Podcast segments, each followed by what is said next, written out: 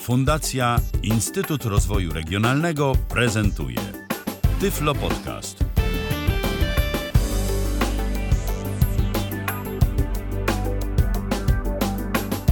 Dzień dobry, dzień dobry. 140 audycja Tyflo Przeglądu, więc taki no mikro powiedzmy jubileusz, ale zawsze to jakaś okazja do świętowania.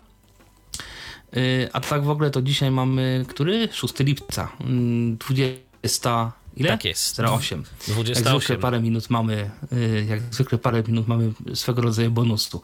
Ale jesteśmy yy, dzisiaj w bardzo ograniczonym składzie. Jest Mikołaj Hołysz, Michał Dziwisz i ja, czyli Tomek Bilecki. Dzień dobry wieczór. Dobry wieczór Państwu. No i troszeczkę mam taki net, internet y, nieco słabszy, więc wybaczcie, że mogę mieć jakieś czasem techniczne problemy. Mam nadzieję, że póki co ich nie ma. No a co dzisiaj, to jak zwykle od pewnego czasu przynajmniej Michał. W tym tygodniu w Tyflo Przeglądzie. Młodzi niewidomi Amerykanie będą się uczyć o cyberbezpieczeństwie. Ergs Vision kolejne okulary dla niewidomych. Humanware ogłasza kolejne urządzenie pomagające niewidomym nawigować. Google zaczęło akceptować testerów dostępności spoza Stanów Zjednoczonych i Kanady.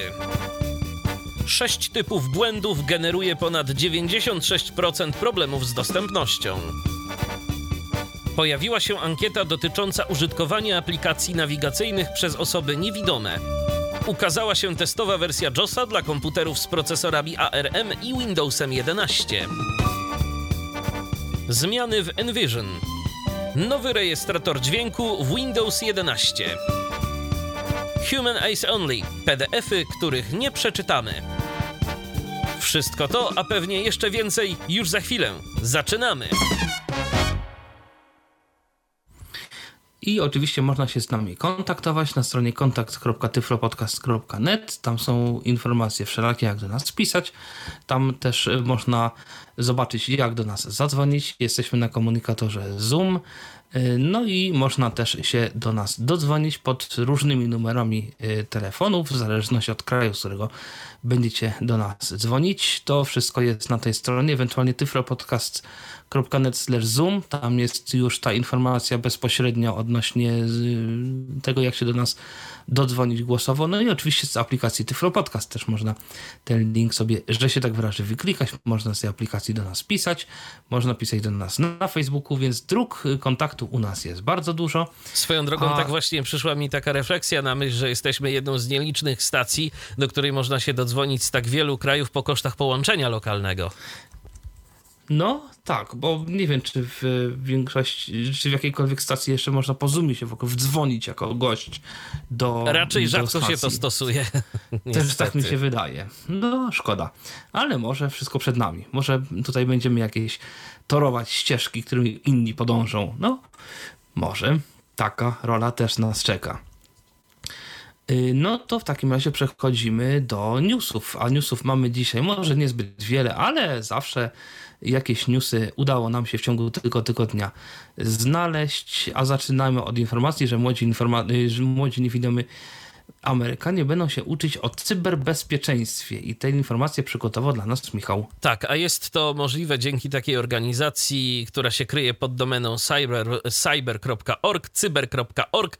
Właśnie tam e, został przygotowany e, specjalny program wakacyjny, e, który adresowany jest do młodych Amerykanów, którzy dopiero będą poszukiwać swojej pracy i to w dodatku Amerykanów z niepełnosprawnością wzroku. Otóż projekt o nazwie Project Access jest e, kierowany do e, mieszkańców Stanów Zjednoczonych pomiędzy 13 a 21 rokiem życia, e, czyli no, uczniów, e, ewentualnie początkujących studentów i będzie to e, kurs, e, a właściwie cykl obozów, e, które będą traktowały o cyberbezpieczeństwie.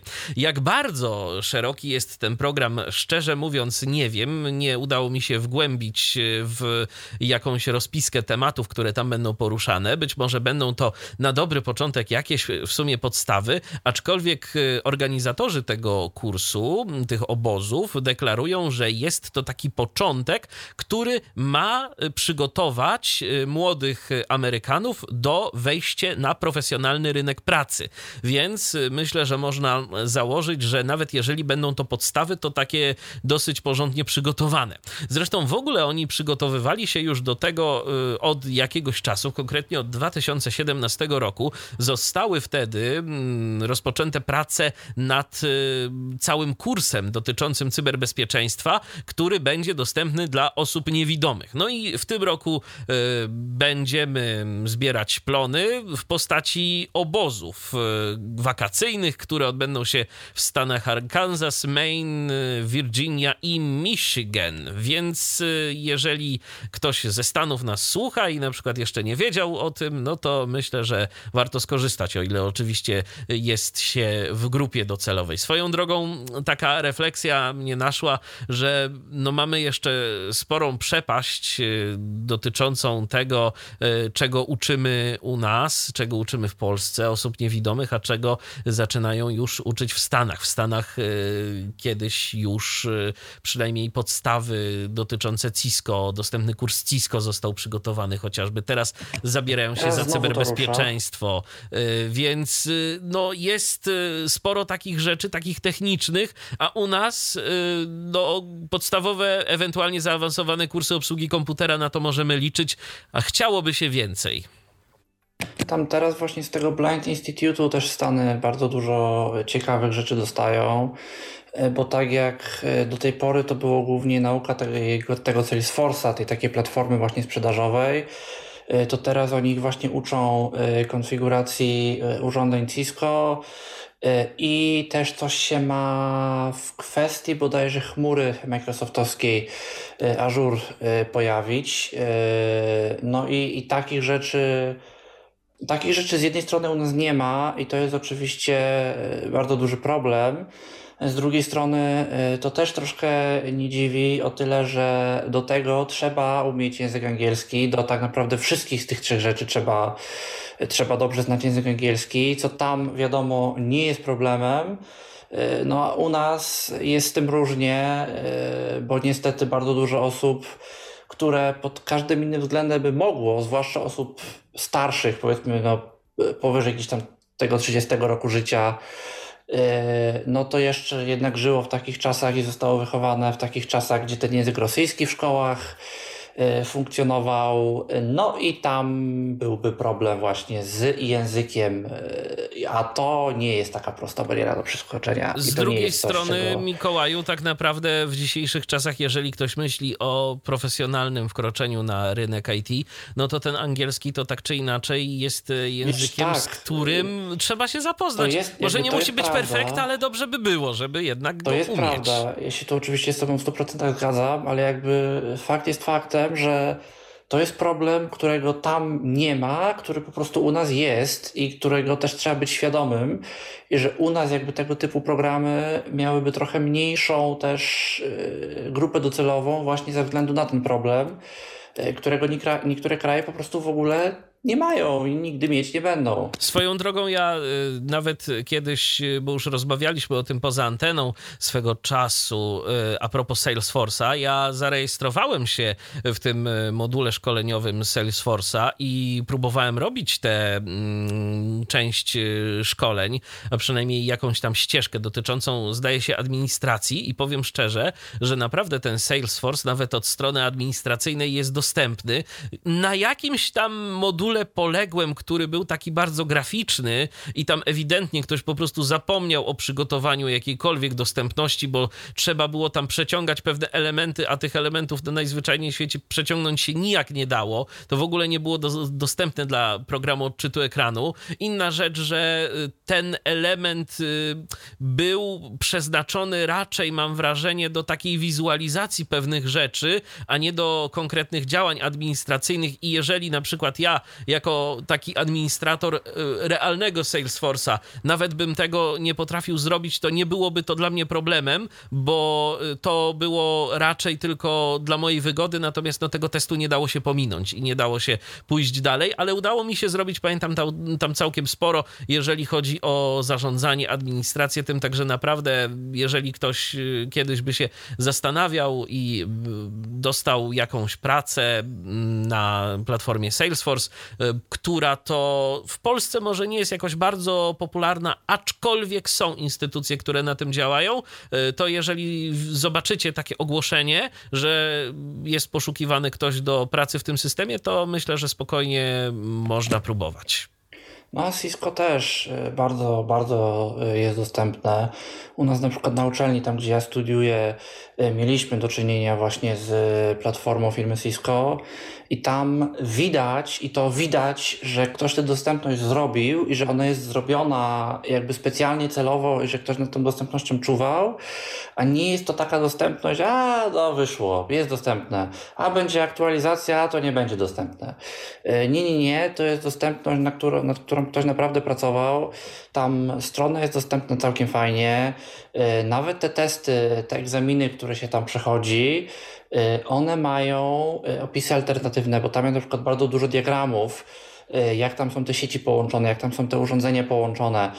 I te wszystkie diagramy co do jednego mają opis alternatywny, że mamy połączenie tam komputerów połączonych w sieć i ten komputer przy tym porcie cały opis ma ładnie diagram mamy na przykład pytania właśnie też połącz, e, mamy listę po lewej stronie, listę po prawej stronie i mamy połączyć jakby powiedzmy pytania z odpowiedziami. Coś, co jest zmorą wszelkiego rodzaju systemów test, e, testowych i to jest bardzo źle i bardzo rzadko jakkolwiek w ogóle dostępne. Tam jest to dostępne jak najbardziej. Mamy komunikat, jak się należy tym posługiwać, że tam naciśnij spację, aby coś tam, naciśnij enter, aby coś tam. Oczywiście te komunikaty są takie czasem trochę niezbyt wygodne, typu wybrałeś opcję 1 z 4, wybrana przez ciebie opcja to adres IP, strzałka w dół, wybrałeś opcję 2 z 4, wybrana przez ciebie opcja to i zanim my się jakby dosłuchamy tego, czym jest tak naprawdę ta opcja, y, to już po prostu będziemy mieli serdecznie tego wszystkiego dosyć, ale co zrobić, y, co to, to jak najbardziej ale jesteśmy działa. w stanie zrobić. Działać działa. Y, tak samo to oprogramowanie którego się używa do symulowania na własnym komputerze tych wszystkich urządzeń, ono też y, jest dostępne. Co ciekawe, no głównym takim oknem tego programu to jest jeden wielki obszar roboczy, na którym my mamy poustawiane jakieś urządzenia, mamy poustawiane jakieś kabelki. To musimy wszystko gdzieś tam ze sobą połączyć, yy, żeby sobie to poustawiać tak, jakbyśmy chcieli. To musimy zrobić myszką. No i wydawałoby się, że to no, nie będzie dostępne, bo przecież jak? I owszem, to nie jest dostępne i jak na pierwszy rzut oka ktoś spojrzy na to oprogramowanie, to powie, o, no nie da się, nie ma opcji, żeby to po dostępnemu zrobić. Co się okazuje? Okazuje się, że jak najbardziej się da. Y, mamy na, y, w tym oknie taki magiczny przycisk, y, który się nazywa Workspace List. Klikamy sobie w ten przycisk Workspace List i co nam się pokazuje? Pokazuje nam się nowe okienko, gdzie mamy jedną listę, na której mamy listę urządzeń, mamy drugą listę, na której mamy listę połączeń. Na liście urządzeń mamy przycisk Add, czyli dodaj. Klikamy sobie przycisk dodaj, pokazuje nam się cała lista wszystkich możliwych urządzeń, jakie możemy sobie dodać. Dodajemy sobie wszystkie urządzenia, mamy listę połączeń, tam również mamy przycisk Add, dodajemy sobie i mamy listy rozwijane. Urządzenie od, port od na pierwszym urządzeniu, urządzenie do i port do na drugim urządzeniu i przycisk połącz to, jeszcze tam jest pole chyba od typu kabla i przycisk połącz takim kablem te porty, które zaznaczyliśmy. I jesteśmy wszystko w stanie jak najbardziej sami zrobić, tylko po prostu zamiast używać tego dużego okna, gdzie robimy wszystko myszką, używamy właśnie tego okienka Workspace List i sobie z takich zwykłych okienek dialogowych i pól yy, kombi, czy list rozwijanych, w zależności od tego, jakiego to czytnika ekranu używamy, tak one się będą zwały. Y, wszystko jesteśmy w stanie zrobić i wyklikać. No oczywiście potem już pozostałe okna są dostępne, że tak powiem, same z siebie i nie wymagają od nas y, jakiejś większej, jakiegoś większego przystosowania. Co ciekawe, nawet automatyczny odczyt pojawiających się komunikatów, gdzie mamy na przykład do czynienia z konsolą, my coś tam wpisujemy, dostajemy jakąś informację tekstową, ona nam się gdzieś wyświetla, to my nie musimy nawet tego przeglądać, jest to nam automatycznie odczytywane.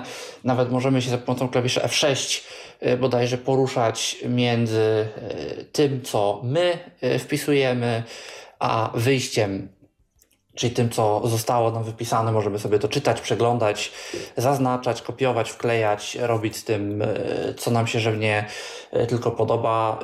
No i widać, widać, że tę dostępność ktoś tu zrobił, że ona jest celowo tutaj zrobiona, że tam ktoś siedzi i ktoś się tą dostępnością naprawdę przejmuje, a że to nie jest coś, tak powiem, przez przypadek, że wyszło, że teraz jest dostępne.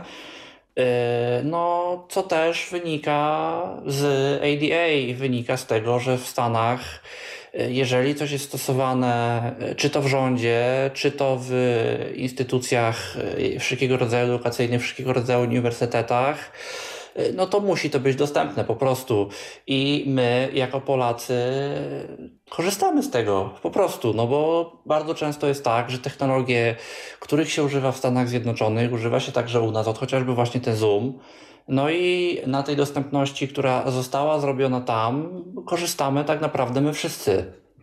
Warto jeszcze dodać, że jeżeli chcecie w ogóle pokorzystać sobie, potestować ten e, emulator Cisco, czyli Packet Tracer, e, to jest on do pobrania za darmo. Warunkiem tylko jest e, jedno, trzeba zapisać się na jakiś kurs Cisco. A że Cisco ma jeden darmowy kurs dotyczący właśnie pakiet tracera, to jeżeli interesują Was zagadnienia sieciowe, to wystarczy, że się po prostu e, zapiszecie na ten kurs. Można w internecie znaleźć e, instrukcje odnośnie tego, jak się na ten kurs Cisco zapisać. Mm, trzeba tam się trochę przeklikać przez kilka stron, pozakładać konta e, i tak dalej, i tak dalej, ale koniec końców będziecie w stanie pobrać darmowy pakiet tracer od Cisco i będziecie mogli sobie to potestować, jeżeli macie taką ochotę jeżeli chcecie się e, pobawić e, dostępnie w różnego rodzaju zagadnienia sieciowe. A tymczasem mamy słuchacza, e, który się z nami połączył. Jest z nami Witold. Witamy cię.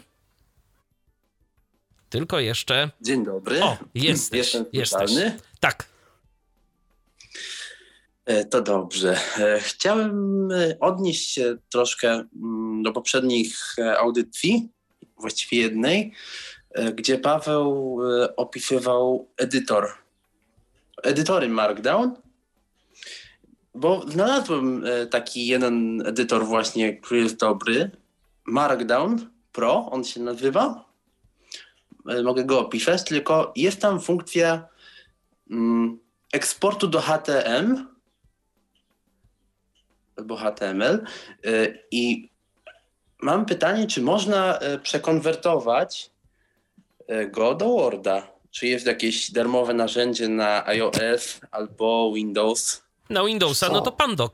Z samego Markdowna jesteś w stanie przekonwertować do Worda e, i to bardzo często ludzie robią. E, no to można właśnie zrobić narzędziem Pandoc, tylko że narzędzie Pandoc to jest narzędzie konsolowe, którym się trzeba trochę nabawić. Są, podejrzewam, tylko ja teraz jakoś nie pamiętam szczerze mówiąc nazw, takie graficzne gdzieś tam edytory, w którym po prostu wrzucamy plik, wybieramy im zaznacz, zapisz jako Word i zapisuje nam się to jako Word. Y, to Altix chyba kiedyś też coś takiego robił, ten Wiscon, Wiscon, Wiscon, Wiscon, chyba Wiscon. Był taki, był taki edytor. Było, było trochę tych narzędzi. Tak, tak. Jest, y, jest nawet autorstwa właśnie Zbigniewa Lewickiego z Altixu. Jest y, ten Markdown Editor. Y, on jest na stronie Altixu chociażby do pobrania i on jest w stanie konwertować na kilka formatów, między innymi właśnie na Worda z Markdowna. Także można to zrobić, a innych konwerterów też podejrzewam, że jest troszkę z wiersza poleceń na to właśnie Pandoc. Te konwertery bazują bardzo często właśnie na Pandoku. Są takie... to pod maską jest tak, tak naprawdę zawsze tak. Tak, tak. Są taką nakładką graficzną na, na te aplikacje. Tak, a ja sobie zrobiłem e, do tego skrót, ale mm, on nie działał. Nie wiem e, dlaczego. To znaczy skrót, który pobiera e, tekst ze schowka konwertuje go na tekst sformatowany i wkleja do schowka. Ale poza usunięciem krzyżyków, tych do nagłówków i jakichś innych znaków Markdown, to się nic nie dzieje. Wkleiłem do dokumentów Google, a wiem, że tam działa formatowanie. On mówi nagłówek, zwykły tekst. I też działa przenoszenie. Jak skopiuję z dokumentów Google z jednego dokumentu do drugiego, tak? Zaznaczę, skopiuję, wkleję do drugiego dokumentu, to to też działa, czyli schowek bo nie powinien mm, niszczyć formatowania i nie wiem, co ja tam źle zrobiłem. Pytanie, czy skróty są w stanie konwertować z Markdowna? Y, być może nie są i tu jest problem. Też mi się tak wydaje.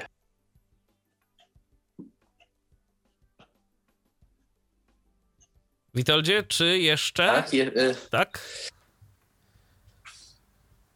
Czy jeszcze masz do nas jakieś pytania, albo chciałbyś coś opowiedzieć też a propos tego edytora, który znalazłeś? Słuchamy. E, tak, e, chętnie opowiem o tym e, edytorze. E, jest e, bardzo prosty, bo wyświetla mm, jakby aplikację pliki, po prostu tylko tam z funkcją do dodawania notatki, ale tak to sobie można wybierać foldery, wszystko.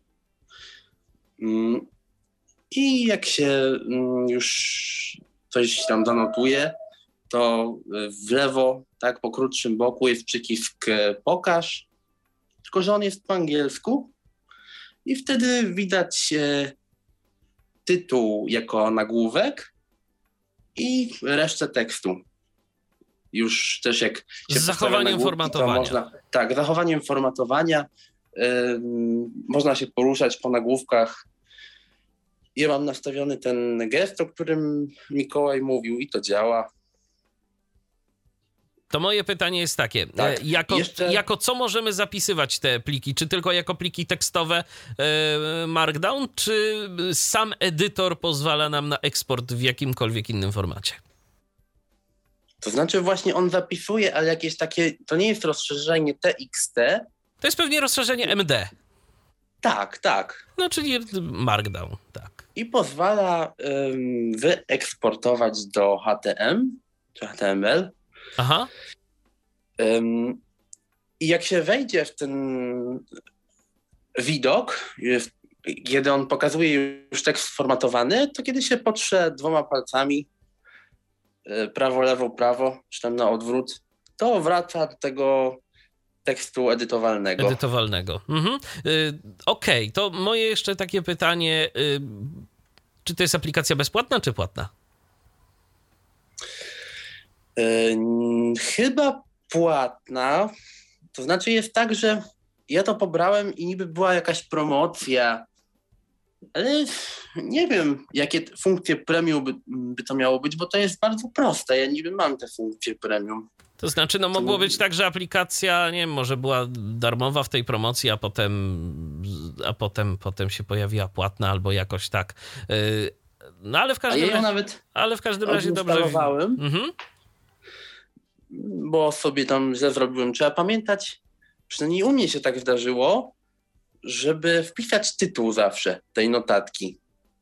No coś mi nie zadziałało, jak go nie wpisałem i na wszelki wypadek ją odinstalowałem, zainstalowałem żeby już tam wszystko było w porządku. I wtedy już miała nazwę Markdown tylko. A wcześniej, jak ją instalowałem te dwa tygodnie temu, czy trzy, to miała nazwę Markdown Pro. Także nie wiem już czy jest e, płatna, czy bezpłatna. Ja się jeszcze na ten okres promocji załapałem. Tak.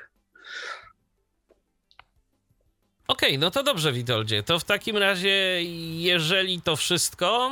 Mm, Jeszcze mam Aha. pytanie odnośnie Androida um, i odtwarzacza jakiegoś, um, bo właśnie testuję dalej ten notatnik i w, zainstalowałem tam Fubara. Jest ogólnie bardzo dobrze, tylko nie mogę, znaczy nie mogę, nie wiem e, jak przesuwać y, ten plik, powiedzmy do przodu, do tyłu, ileś tam 15 sekund. czy tam inny czas? Mm, to Da się znaczy w ogóle nie wiedziałem, że... Czy jakiś inny odtwarzacz y, może To znaczy, polecicie? jak ja testowałem Fubara na Androidzie, to w ogóle nie bardzo był dostępny. To znaczy, ten moduł odtwarzania, że tak powiem, nie był dostępny. Jeżeli się to poprawiło, to fajnie. Natomiast ja używam y, GoNet Music Player. To jest program, który Jak? jest Gonemad. Gonemad Music Player. I to jest program, który jest w wersji darmowej i płatnej. On chyba kosztuje 7 zł. Może nie, może teraz więcej. Nie wiem. W każdym razie to jest program, który ma kilka bardzo fajnych y, możliwości. To znaczy, po pierwsze, da się mu ustawić kilka gestów. Przesunięcia, no w naszym przypadku, dwoma walcami, góra, dół, lewo, prawo, i pod te gesty podpiąć sobie różności zwiększenie, zmniejszenie głośności, szybkości, yy, przejście do następnego poprzedniego utworu yy, i przewijanie właśnie o ileś sekund, a oprócz tego są przyciski przewin do przodu i przewin do tyłu, o tam ileś sekund i chyba jest nawet yy, suwak z paskiem postępu, choć tego nie jestem pewien. Ale na pewno da się to zrobić. I ten suwak można przesuwać? Właśnie nie pamiętam, czy, czy jest suwak, musiałbym to sprawdzić, ale na pewno można w GoNmedzie mm, przyciskami skakać o tam ileś sekund do przodu, do tyłu, przy czym no też można sobie zdefiniować w ustawieniach, bo ten program ma no dużo ustawień i tam możesz sobie bardzo różne rzeczy poustawiać. Ja go sobie ustawiłem jakoś tam pod siebie, natomiast jeżeli mm, chociaż to mi się akurat rzadko zdarza, bo w, to wymaga dość specyficznego układu muzyki. Czasami używam też smart au- audiobook playera do odtwarzania niektórych rzeczy, ale to raczej do swoich nagrań, bo je mam zawsze w jednym folderze wszystkie. No tak czy inaczej, ten GoNmet jest, jest fajny. Myślę, że mogę go polecić. Nie wiem, czy VLC też nie dałoby się, ale tego nie jestem pewien. Ale GoNmet z tego co wiem jest ok. Swoją drogą, Witoldzie, ja Gomet, VLC i jeszcze ten audiobook player, tak? Tak, ale to jest do, do audiobooków. W związku z powyższym on nie lubi jakby wychodzenia poza folder. To znaczy, jeżeli masz, nie wiem, ileś kawałków muzyki w jednym folderze, to spoko, ale jeżeli masz, no tak jak większość ludzi ma to zrobione, to znaczy, że każdy na przykład album w osobnym folderze, to to dziś się zawoduje jako osobne książki. Musisz sobie to wybrać nawet jako książka i potem odtwarzać to jako książkę, więc on nie jest, nie jest jakby stworzony do słuchania muzyki, choć na upartego dałoby się. Swoją drogą, Witoldzie, ja sprawdziłem w wyszukiwarce App Store'a hasło Markdown Editor Pro, Markdown Pro i niestety, ale nie mogę znaleźć y, żadnej aplikacji y, takiej y, o zbliżonej nazwie, więc jeżeli mógłbyś gdzieś To tam... mogę wysłać link. No to właśnie, to, to, to, bym bardzo, to bym bardzo prosił, żebyś na kontakt tyflopodcast.net wysłał ten link, to na pewno nam sprawę ułatwi w poszukiwaniu tego narzędzia. Dobrze. Super. Mm, I jeszcze mam pytanie odnośnie Windowsa. Odnośnie y, powiadomień. Bo mam tak, że jak nacisnę Windows B i sobie chodzę tam po powiadomieniach, na przykład bezpieczne wysuwanie sprzętu. Tak mi się działo, jak chciałem to kliknąć. Wchodzę sobie tam strzałką, powiedzmy, w górę na to, a on od razu wjeżdża na NVDA. Wchodzę i on znów wjeżdża, także musiałem e, po prostu kliknąć powiedzmy w ciągu sekundy strzałkę i enter, żeby on mi nie, nie wszedł na NVDA. Czy mieliście takie coś? Ja szczerze mówiąc nie. Nie wiem, czy ktoś się spotkał z was z czymś takim. U mnie się to nie zdarzało. E, Ja mam ustawione tam w opcjach bodajże paska zadań. Zawsze pokazuj wszel- wszystkie ikony i powiadomienia. Mam to włączone i u mnie się nic nigdzie nie chowa. Ale to jest Windows 10 czy 11? Nie, to jest Windows 10. A, 10. I właśnie miałem pytać. Bo w jak to 11 jest taki problem, że tam jest problem i, i, i trzeba to robić jakoś śmiesznie w ogóle z tym, z tymi powiadomieniami. Sprawdziłem sobie tego GoNmeda. E, GoNet ma teoretycznie suwak, ale przesuwanie tego suwaka jakoś nie jestem w stanie go przesunąć tak prosto. Tylko, że to Więc, też jest y- notatnik na Androidzie 8.1, to też jeszcze się może inaczej zachowywać. Ma klawiaturę, może to coś polepszyło. No, to Bo i tam tak się jakoś da z klawiatury przesuwać też. Chyba spacja e, trzeci, szósty? Tak, a wracając do tych powiadomień, e, można nastawić tak, żeby nie było przycisk powiadomień, tylko żeby one się tak normalnie wyświetlały. Mam Windowsa 7, na przykład mam aplikację Dysk, e, z Google'a i sobie klikam Windows B i mam tą aplikację, tylko Enter wcisnąć. A tak muszę w, tym, w tej dziesiątce wciskać to Windows B, później Enter, żeby wcisnąć ten przycisk i dopiero później dojść do tego dysku.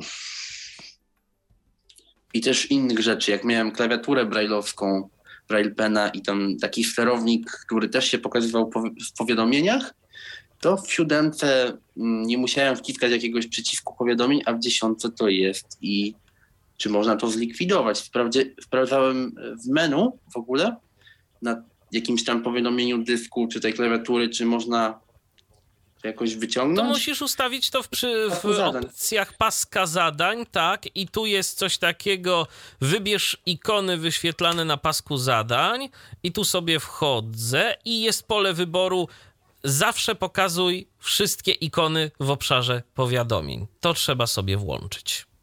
E, tabulatorem? Spacją się... trzeba to zaznaczyć. Wiem, ale tam jak tam Tabula... się tak, idzie? Tak, tak, tak, tak, tak. Tabulatorem. Mm, aha.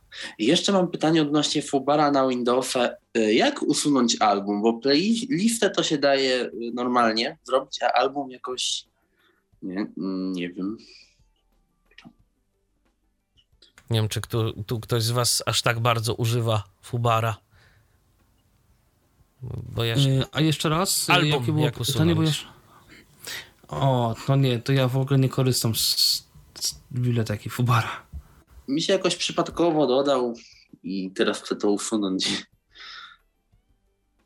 No niestety, Witoldzie, no. tu nie pomożemy. Tak, a mówiliście już inny temat, e, jak odtwarzać YouTube'a na iPhone'ie na zablokowanym ekranie? Bo się da. No to, była, to było to tak. narzędzie. Jak ono się Mikołaju nazywało? Y, Invidious? O tym mówisz? Nie, w, w przeglądarce można. Weingard czy jakoś tak, czy Weingard a to nie, to tego to ja nie kojarzę. Ja kojarzę Invi Invidiusa był i Invidiusem się faktycznie dało, ale... Było też takie płatne rozszerzenie do Safari instalowane w iOS. Tak, ale nie ma takiej potrzeby właśnie. Nie ma takiej potrzeby, no, ale to jest, e, to jest lepsze na Chromie.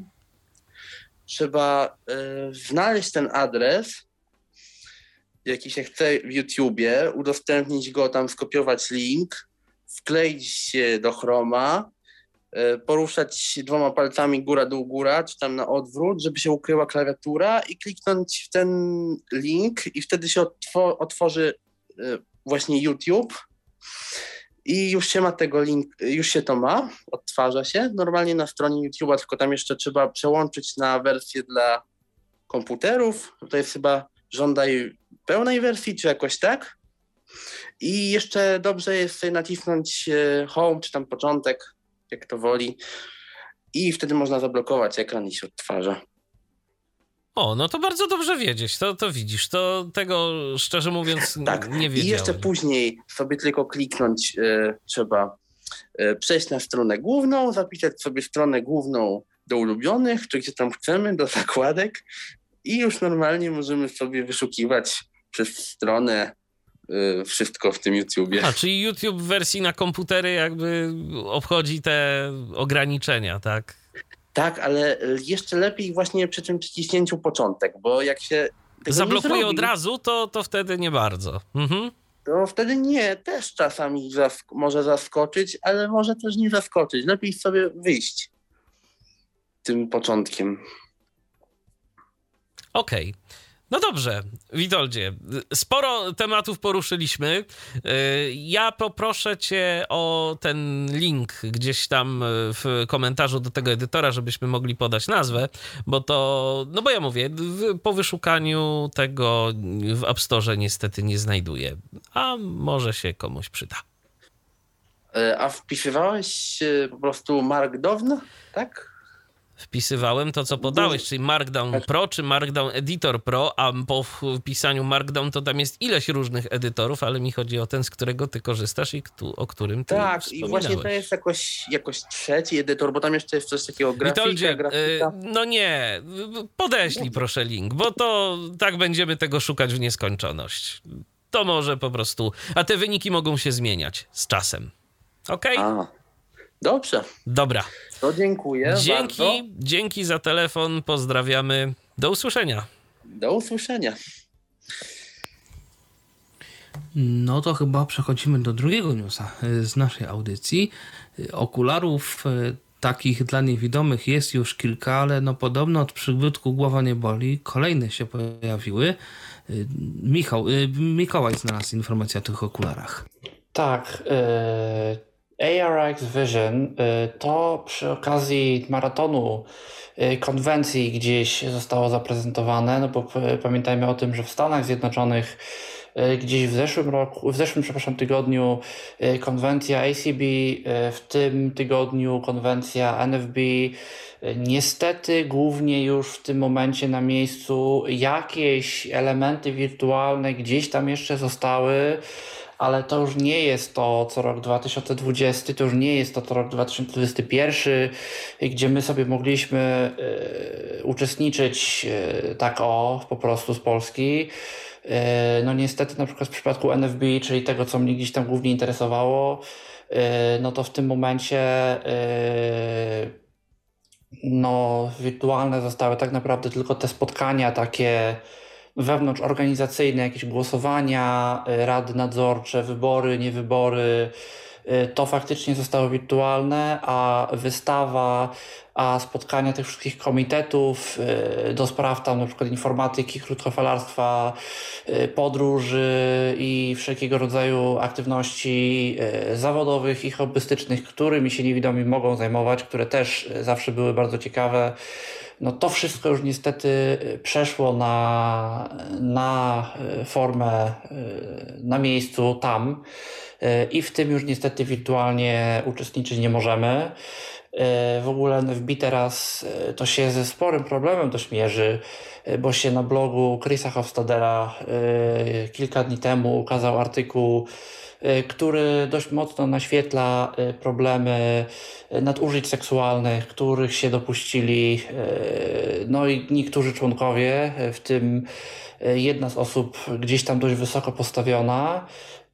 I się teraz okazuje, że najprawdopodobniej osoby, że tak powiem, na górze zarządzające całym tym przedsięwzięciem ukrywały temat i robiły wszystko, żeby temat nie ujrzał światła dziennego.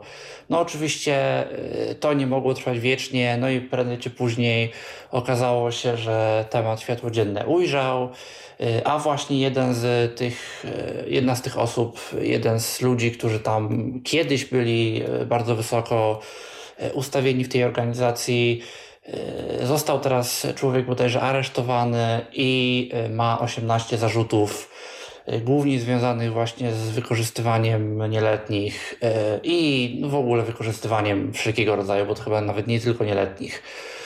E, w każdym razie, w każdym razie konwencje się odbywają.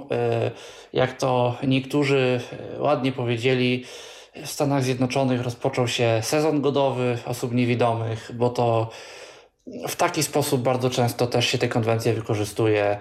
E, no ale na konwencjach pojawiło się kilka e, też technologicznych nowości, jak to zwykle bywa, jak to co roku.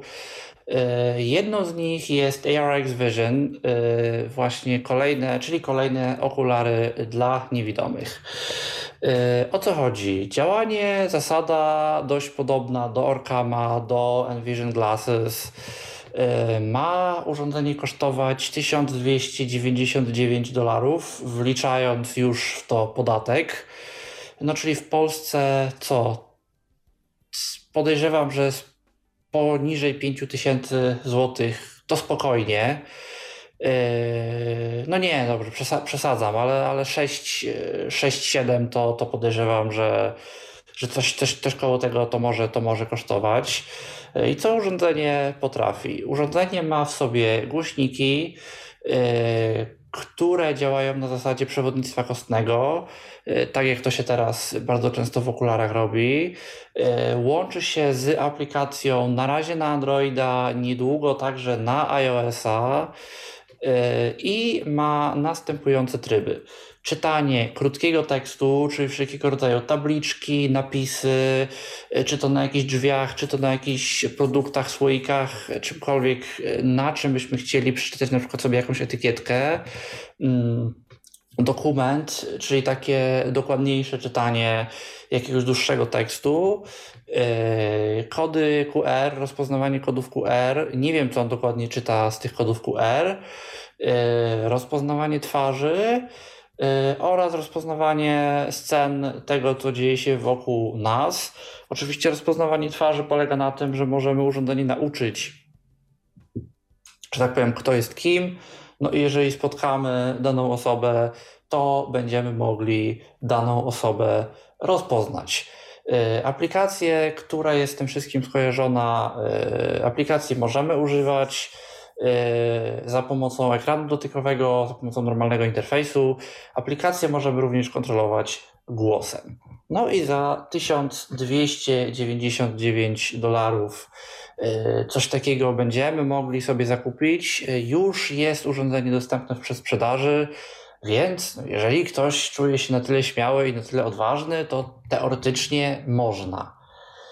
Oczywiście w komentarzu pojawi się link to teraz zaglądam do tego, co do nas słuchacze napisali, a konkretnie napisał do nas Patryk i Patryk napisał dwie wiadomości. Oto pierwsza z nich. Jeśli już było, to przepraszam, natomiast jeśli nie, to spieszę z zaobserwowanymi zmianami w najnowszej wydanej niespełna dwie godziny temu trzeciej y, becie systemu iOS. Po pierwsze, zniknął błąd pokazujący przynajmniej u mnie drugi zegar z wymuszoną godziną dla Cupertino w Kalifornii. Po drugie, diametralniejsza zmiana, chyba pierwsza od paru lat, zmieniono dźwięki obsługi Siri. Bazują wokół dźwięków znanych już z poprzedniej bety w module dyktowania. Zatem włączenie Siri to dźwięk bazujący na takiej syntetycznej nucie C, odpowiedź Siri to dźwięk F, zaś przedwczesne zakończenie rozmowy z Siri to odtworzony od tyłu dźwięk G, przechodzący w dźwięk C, imitujący jakby zamknięcie okienka. Po trzecie, ogólnie większa stabilność. Po czwarte, y, przywrócono Zosię w wersji Enhanced, mającą niespełna 37 MB. No i jeszcze jedna wiadomość od Patryka. Jeszcze iOS 16. Podczas gdy w becie pierwszej i drugiej iOS-a mam wrażenie restrykcyjniej podchodzili e, do mm, odblokowywania iPhone'a poprzez niewidomą wersję Face ID, to beta 3 odblokowuje telefon szybciej, ale i wymaga mniejszej dokładności. Tym samym w moim wypadku wróciłem do normalnej widzącej wersji wymagającej uwagi. I tyle od Patryka. No to chyba. No to ja od razu dodam coś tutaj, y, co ja znalazłem, informacje. Podobno pojawiła się zmiana, jeżeli chodzi o Eloquence'a, y, bo Eloquence ma y, te tak zwane swoje crashwordy, czyli y, słowa, zbitki liter, kombinacje znaków, które po wypowiedzeniu przez Eloquence'a wysypują ten syntezator. Coś, co na Windowsie no, kończy się najczęściej katastrofą, bo za syntezatorem idzie cały screenreader. Coś, co w Apple katastrofą się nigdy nie kończyło, bo tam jest po prostu lepiej zrobiony ten cały system mowy. I do tej pory w betach pierwszej i betach drugiej e, kończyło się to po prostu tym, że no ta fraza, która zawierała to słowo, nie była nam odczytywana w ogóle, ale jak próbowaliśmy korzystać z voiceovera dalej, e, no to on sobie po cichu ten syntezator zrestartował, sobie nawet zrestartował sam syntezator, a nie voiceovera i po prostu następne, następne treści czytał nam dalej, gdzie w becie 3 to już nawet jeszcze lepiej poprawili.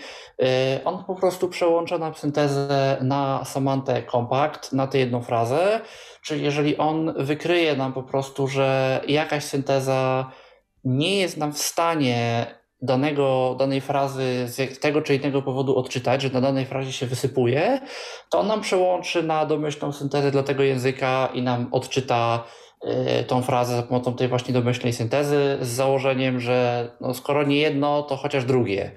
Więc widać, że tutaj Apple fajnie podszedł do tematu i no naprawdę postarali się, żeby problem rozwiązać raz i na zawsze, no bo w przypadku screenreaderów na Windowsie to problem najczęściej rozwiązuje się tak, że te najpopularniejsze frazesy y, dodaje się do wszelkiego rodzaju słowników y, po stronie jakby jeszcze programu odczytu ekranu, tak żeby on na przykład rozbił gdzieś tam na dwie części, je troszkę zmienił i żeby one nie wysypywały w tej zmienionej formie syntezatora, no tylko oczywiście w słowniku y, nie będzie wszystkiego, no i czasem jest tak, że pewne rzeczy ktoś znajdzie i zacznie ludziom wysypywać programy odczytu ekranu, bo one się nie znajdują w słownikach.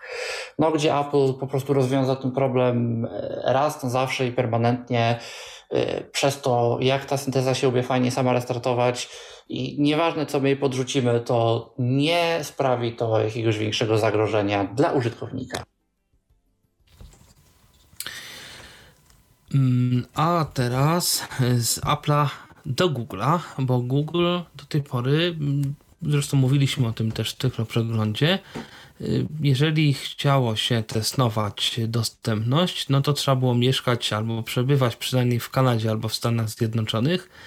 Teraz to się zmieniło i teoretycznie już nie trzeba mieszkać w Kanadzie, a Stanach Zjednoczonych. A gdzie, co i jak, to Michał o tym więcej. Teoretycznie się to zmieniło i y, przynajmniej w niektórych przypadkach nie jest wymagane to, żebyśmy mieszkali w Stanach Zjednoczonych bądź w Kanadzie, bo oczywiście jeżeli na przykład chcielibyśmy testować y, urządzenia od Google, brać większy udział w tych rozmaitych testach mm, dostępności, to to, że mieszkamy w Stanach albo w Kanadzie, nadal jest wymagane. Natomiast y, jeżeli w ogóle chcielibyśmy mieć jakikolwiek wpływ na testy dostępnościowe y, produktów Google, to możemy się spróbować zapisać.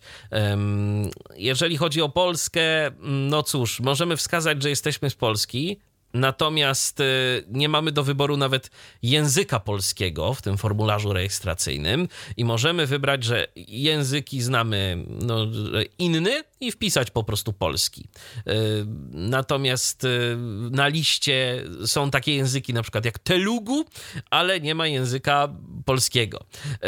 Ale y, o co chodzi? Może poprzez y, to, że nie mieszkamy w Stanach Zjednoczonych ani e, w Kanadzie, zostaniemy zapisani do tak zwanego Google Accessibility Research Group.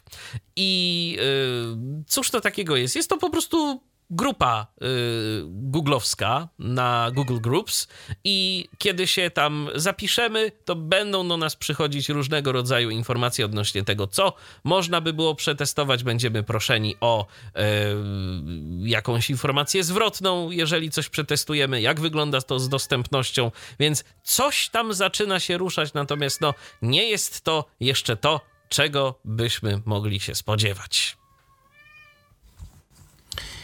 Mm, kolejny news y, od Mikołaja. Były już okulary i taką kolejną grupą urządzeń, jaka też co jakiś czas się pojawia, to są urządzenia pomagające w nawigacji. Tym razem Humanware.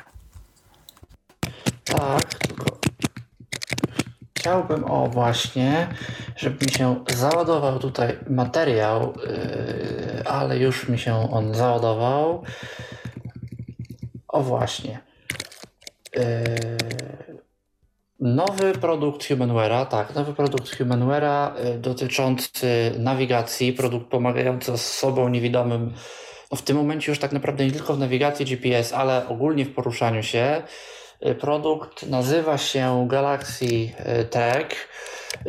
czyli odpowiednik tego, co kiedyś było trek, Stellar, przepraszam, Stellar Trek, odpowiednik tego, co kiedyś było Wiktorem Reader, Trek, Wiktorem Reader Trekiem, co wcześniej jeszcze było Tracker Breezem, no tylko w nowej wersji, w nowej odsłonie, gdzieś tam wersji troszkę odświeżonej. A więc tak, ma wyglądać jak talia kart dwie kamery z tyłu, które możemy wykorzystać do wykrywania drzwi. To jest też nowość.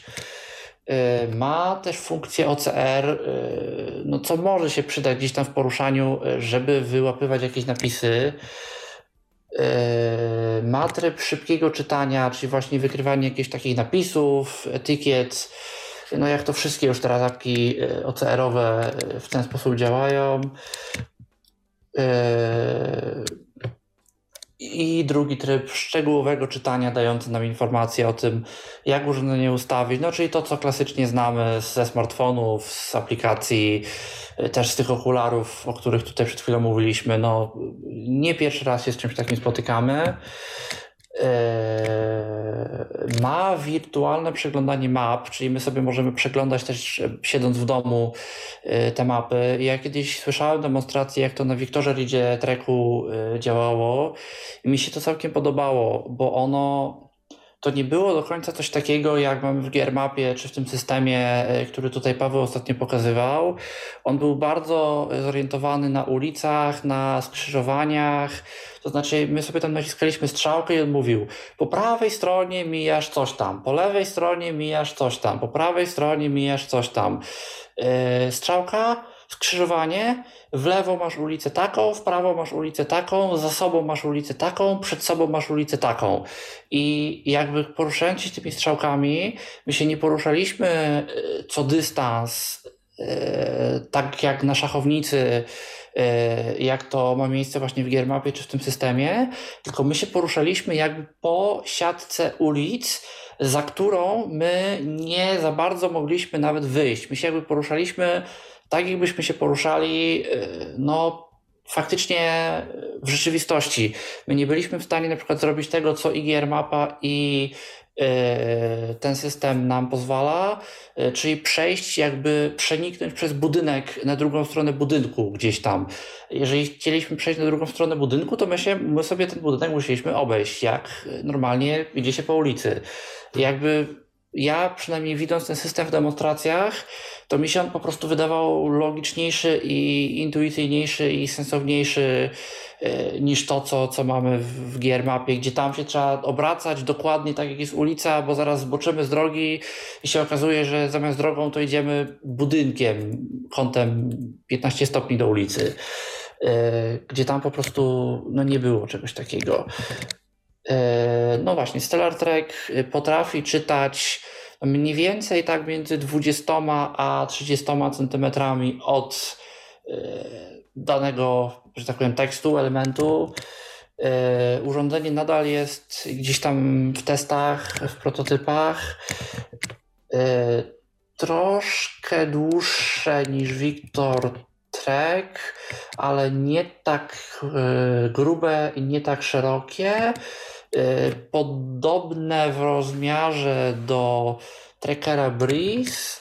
Ma mieć 7 przycisków na głównym panelu, w tym y, joystick taki y, w czterech, czterokierunkowy. Poniżej długi przycisk po lewej, mamy przycisk po prawej. E, urządzenie jest na tyle nowe i na tyle w przygotowaniu, że nie ma jeszcze ustalonej ceny.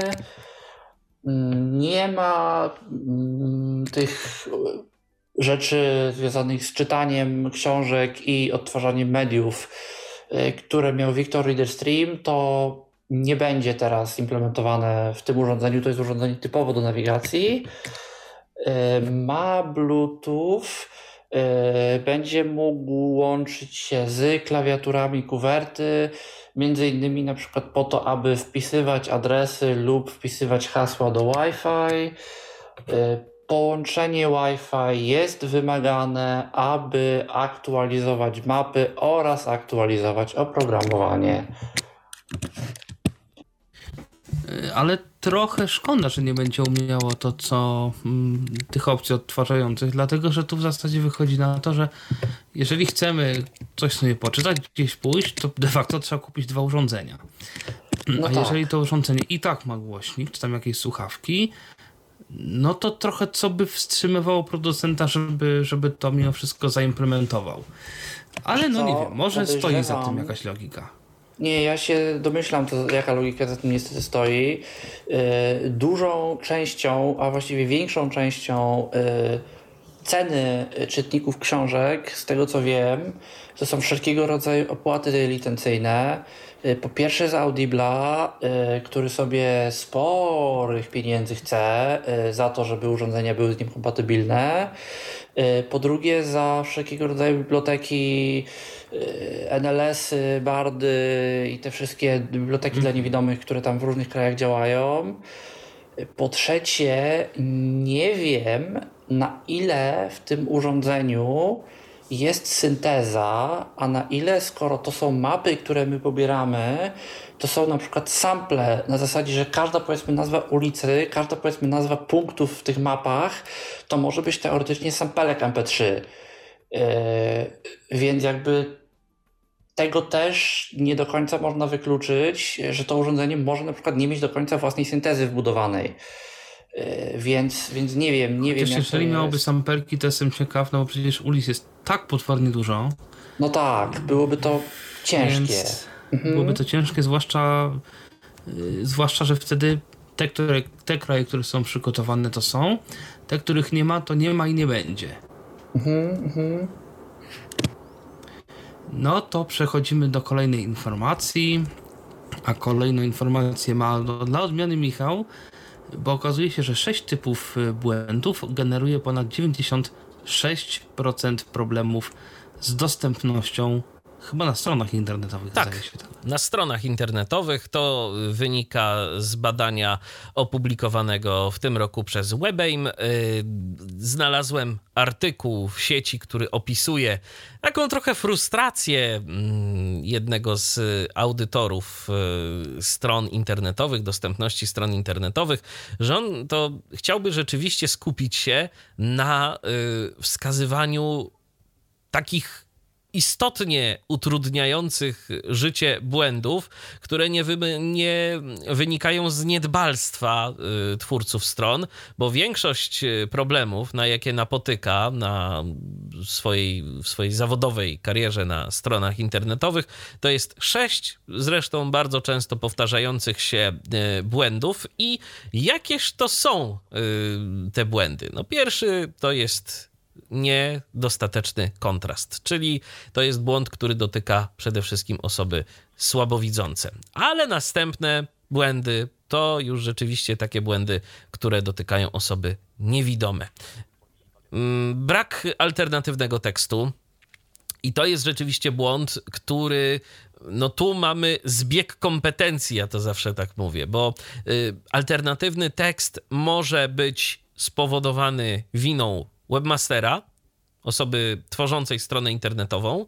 Wtedy mamy problem e, zazwyczaj na większej ilości stron, podstron danej witryny, no bo y, dziś to nikt nie tworzy stron w notatniku, albo prawie nikt nie tworzy stron w notatniku. Zazwyczaj to są jakieś systemy CMS które się odpowiednio oprogramowuje. No i jeżeli webmaster popełni błąd, to taka grafika bez alternatywnego tekstu może być na wielu podstronach. Ale też jest jeszcze druga strona medalu, mianowicie redaktor, który tworzy treści. I zazwyczaj w większych instytucjach, nawet i w mniejszych też, to nie jest, jest ta sama osoba. To znaczy, redaktor pisze, tworzy, redaguje, publikuje, a webmaster daje mu narzędzia, za pomocą których może ten y, tekst y, opublikować. I w tym momencie redaktor y, treści też musi być przeszkolony do tego, żeby odpowiednio te treści tworzyć. To znaczy, w tym przypadku, żeby dodawać teksty alternatywne do grafik. Ja bym to jeszcze rozszerzył, że tutaj tekst, tekstu może nie być wcale, tekstu alternatywnego, ale tekst alternatywny może być. Yy, I może być w takiej postaci, która nam nic nie powie. To znaczy, na przykład, może być. Tu powinien być tekst alternatywny. Yy, następny błąd, puste linki. No to też może webmaster popsuć, może popsuć redaktor, yy, chociaż bardziej wydaje mi się, że tu webmaster może coś zrobić. Redaktorzy zazwyczaj jednak dbają o to, żeby tekst w linkach był, bo on się też wyświetla osobom widzącym. Yy, brak yy, etykiet przy formularzach, no to już ewidentnie coś, co może popsuć webmaster. Puste przyciski, tak samo Y, czyli puste przyciski, przyciski bez, bez etykiet, bez opisów, o tak właściwie. Y, brakujący dokument, y, brakujący język dokumentu, czy język strony internetowej zazwyczaj. No to też twórca strony internetowej, webmaster zazwyczaj takie rzeczy deklaruje, nie deklarują tego redaktorzy tworzący treści. Także sami widzicie, no przede wszystkim te grafiki teksty alternatywne to popsuć może każdy, a reszta no to są webmasterzy, którzy nierzadko też i bywa, że nie mają pojęcia o dostępności. To jest raz. Dwa, budują coś z gotowych komponentów. E, też bardzo często te gotowe komponenty są tworzone przez różne osoby z różną świadomością dostępności. E, no i jeżeli tego nie weryfikujemy, to sytuacje mogą być wtedy naprawdę nieciekawe. To mi w ogóle przypomina tę słynną zasadę Pareto, tak? że 80 czy 20 czegoś jest często odpowiedzialne za 80 czegoś. W sensie typu 20% klientów, tych naj, najbardziej takich Y, aktywnych jest odpowiedzialny za 80 przychodów na przykład w jakichś tam sklepach. I to ponoć się dość często sprawdza. 80, nie, 20% pracowników jest odpowiedzialny za 80% produktu i tak dalej, i tak dalej. I być może to też coś w tym jest, bo jestem ciekaw ile jest tych błędów, ale śmiesznie by było, gdyby rzeczywiście to było mniej więcej około 20% błędów generowało 80% problemów. I to jest coś takiego, no no podobno to się sprawdza, ciekaw jestem, a tymczasem mamy chyba słuchacza na linii. Tak, jest Wojciech Ja się nie zdziwię, jak y, Wojciech y, mógłby się do tego odnieść, ale może i nie. Przepraszam, ja nie wiem do czego miałbym się odnieść, ponieważ miałem tu mały e, problem techniczny. Do poprawności zasady Pareto. E, tego powiem szczerze, że nie wiem. Nie mam pojęcia. E, no okay. Także to z czym odniosę. do nas przybywasz? Przybywam do Was z czym? No, z tym, o czym już tam jakiś czas temu wspominałem i miałem donieść, że tak powiem, co się stanie, jak przetestuję rozwiązanie, czyli Zoom przy tych wszystkich wygibaśnych konfiguracjach moich. No, otóż e, muszę Wam powiedzieć, że ten Zoom to się ciągle zmienia, bo ja już tej karty audio znowuż nie widzę teraz, ale chyba już doszedłem do tego, o co chodzi i w czym jest problem. Otóż problem jest taki, że ja bym chciał zrobić coś takiego, że y, dzielę się ekranem z innymi użytkownikami i to na Windowsie jest, jest możliwe, od razu powiem, a na Macu nie wiem, dlaczego to nie działa. Ja się dzielę ekranem i dzielę się dźwiękiem i to jest kluczowe. Dzielę się dźwiękiem, ale mam ustawione na głośniki ten dźwięk. Natomiast ja słyszę to, co do mnie ludzie mówią na Zoomie, na słuchawkach. I niestety to jest niemożliwe na Macu, przynajmniej ja nie umiem tego zrobić, ponieważ z niewiadomych dla mnie przyczyn Zoom na Macu ma tak, że jak się dzielisz dźwiękiem, no to wtedy niestety przenosi ci to na jedno urządzenie, to, które jest wybrane na Zoomie tutaj przy przycisku mute, przy tej takiej strzałce, gdzie jest więcej opcji, jak wybierasz tam y, select a speaker, to, to urządzenie, to po prostu jest wszystko. Nie da się jakby go rozdzielić, żeby słyszeć na Zoomie jednym urządzeniem, a słyszeć swój komputer drugim urządzeniem. Nie, nie, wiem, czy macie jakiś pomysł. Tak może zrobić. być. Tak może być. To wynika chyba z tego, w jaki sposób on zbiera ten dźwięk, że on tak naprawdę musi zbierać ten dźwięk z jednego urządzenia i, i to chyba, ja chyba domyślam się trochę z czego to wynika i nie wydaje mi się, żeby z tym dało się cokolwiek zrobić.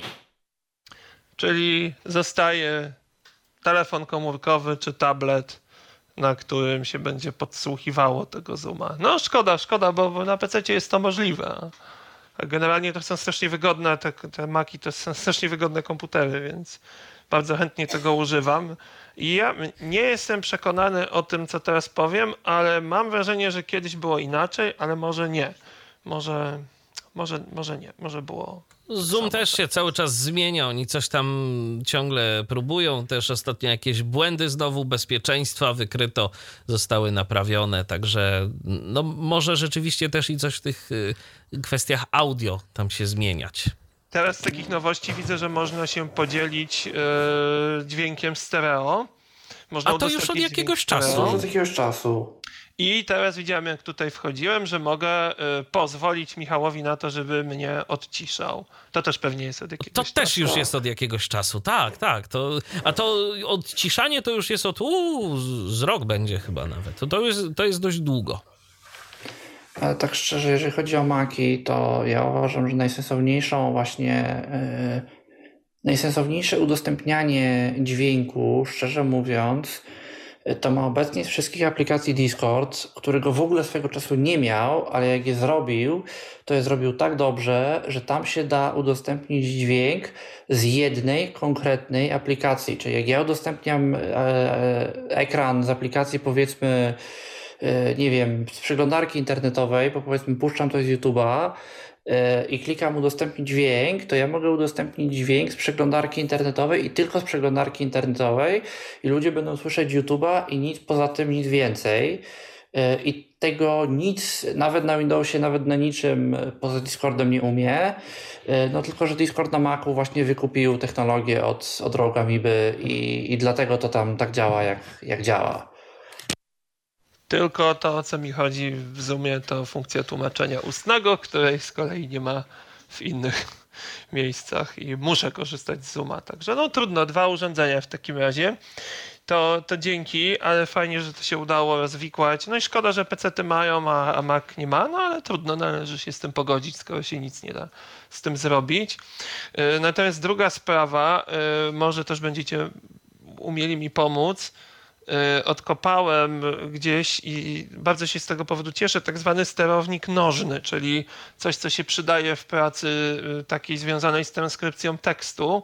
I zastanawiam się, jaki program może to użyć. Chyba Express Scribe to ma, ale może, może znacie jakiś program, który jest kompatybilny z tymi sterownikami nożnymi, żeby można było tam przewijać sobie, przyspieszać, zwalniać. to chyba w ogóle też bardzo zależy od tego, jaki to jest sterownik i, jaki, i na jakiej zasadzie on działa, bo ja słyszałem na przykład o takich sterownikach, które e, wręcz można podpiąć sobie pod dowolne klawisze e, i one emulują jakby dowolną na przykład parę klawiszy albo jakiś konkretny klawisz e, na klawiaturze. Także ja się obawiam, że te sterowniki mogą być bardzo bardzo różne i wszystko zależy od tego, co to jest. Starusieńki Olympus, ja to kupiłem z 10 lat temu. RS32 to się chyba nazywa.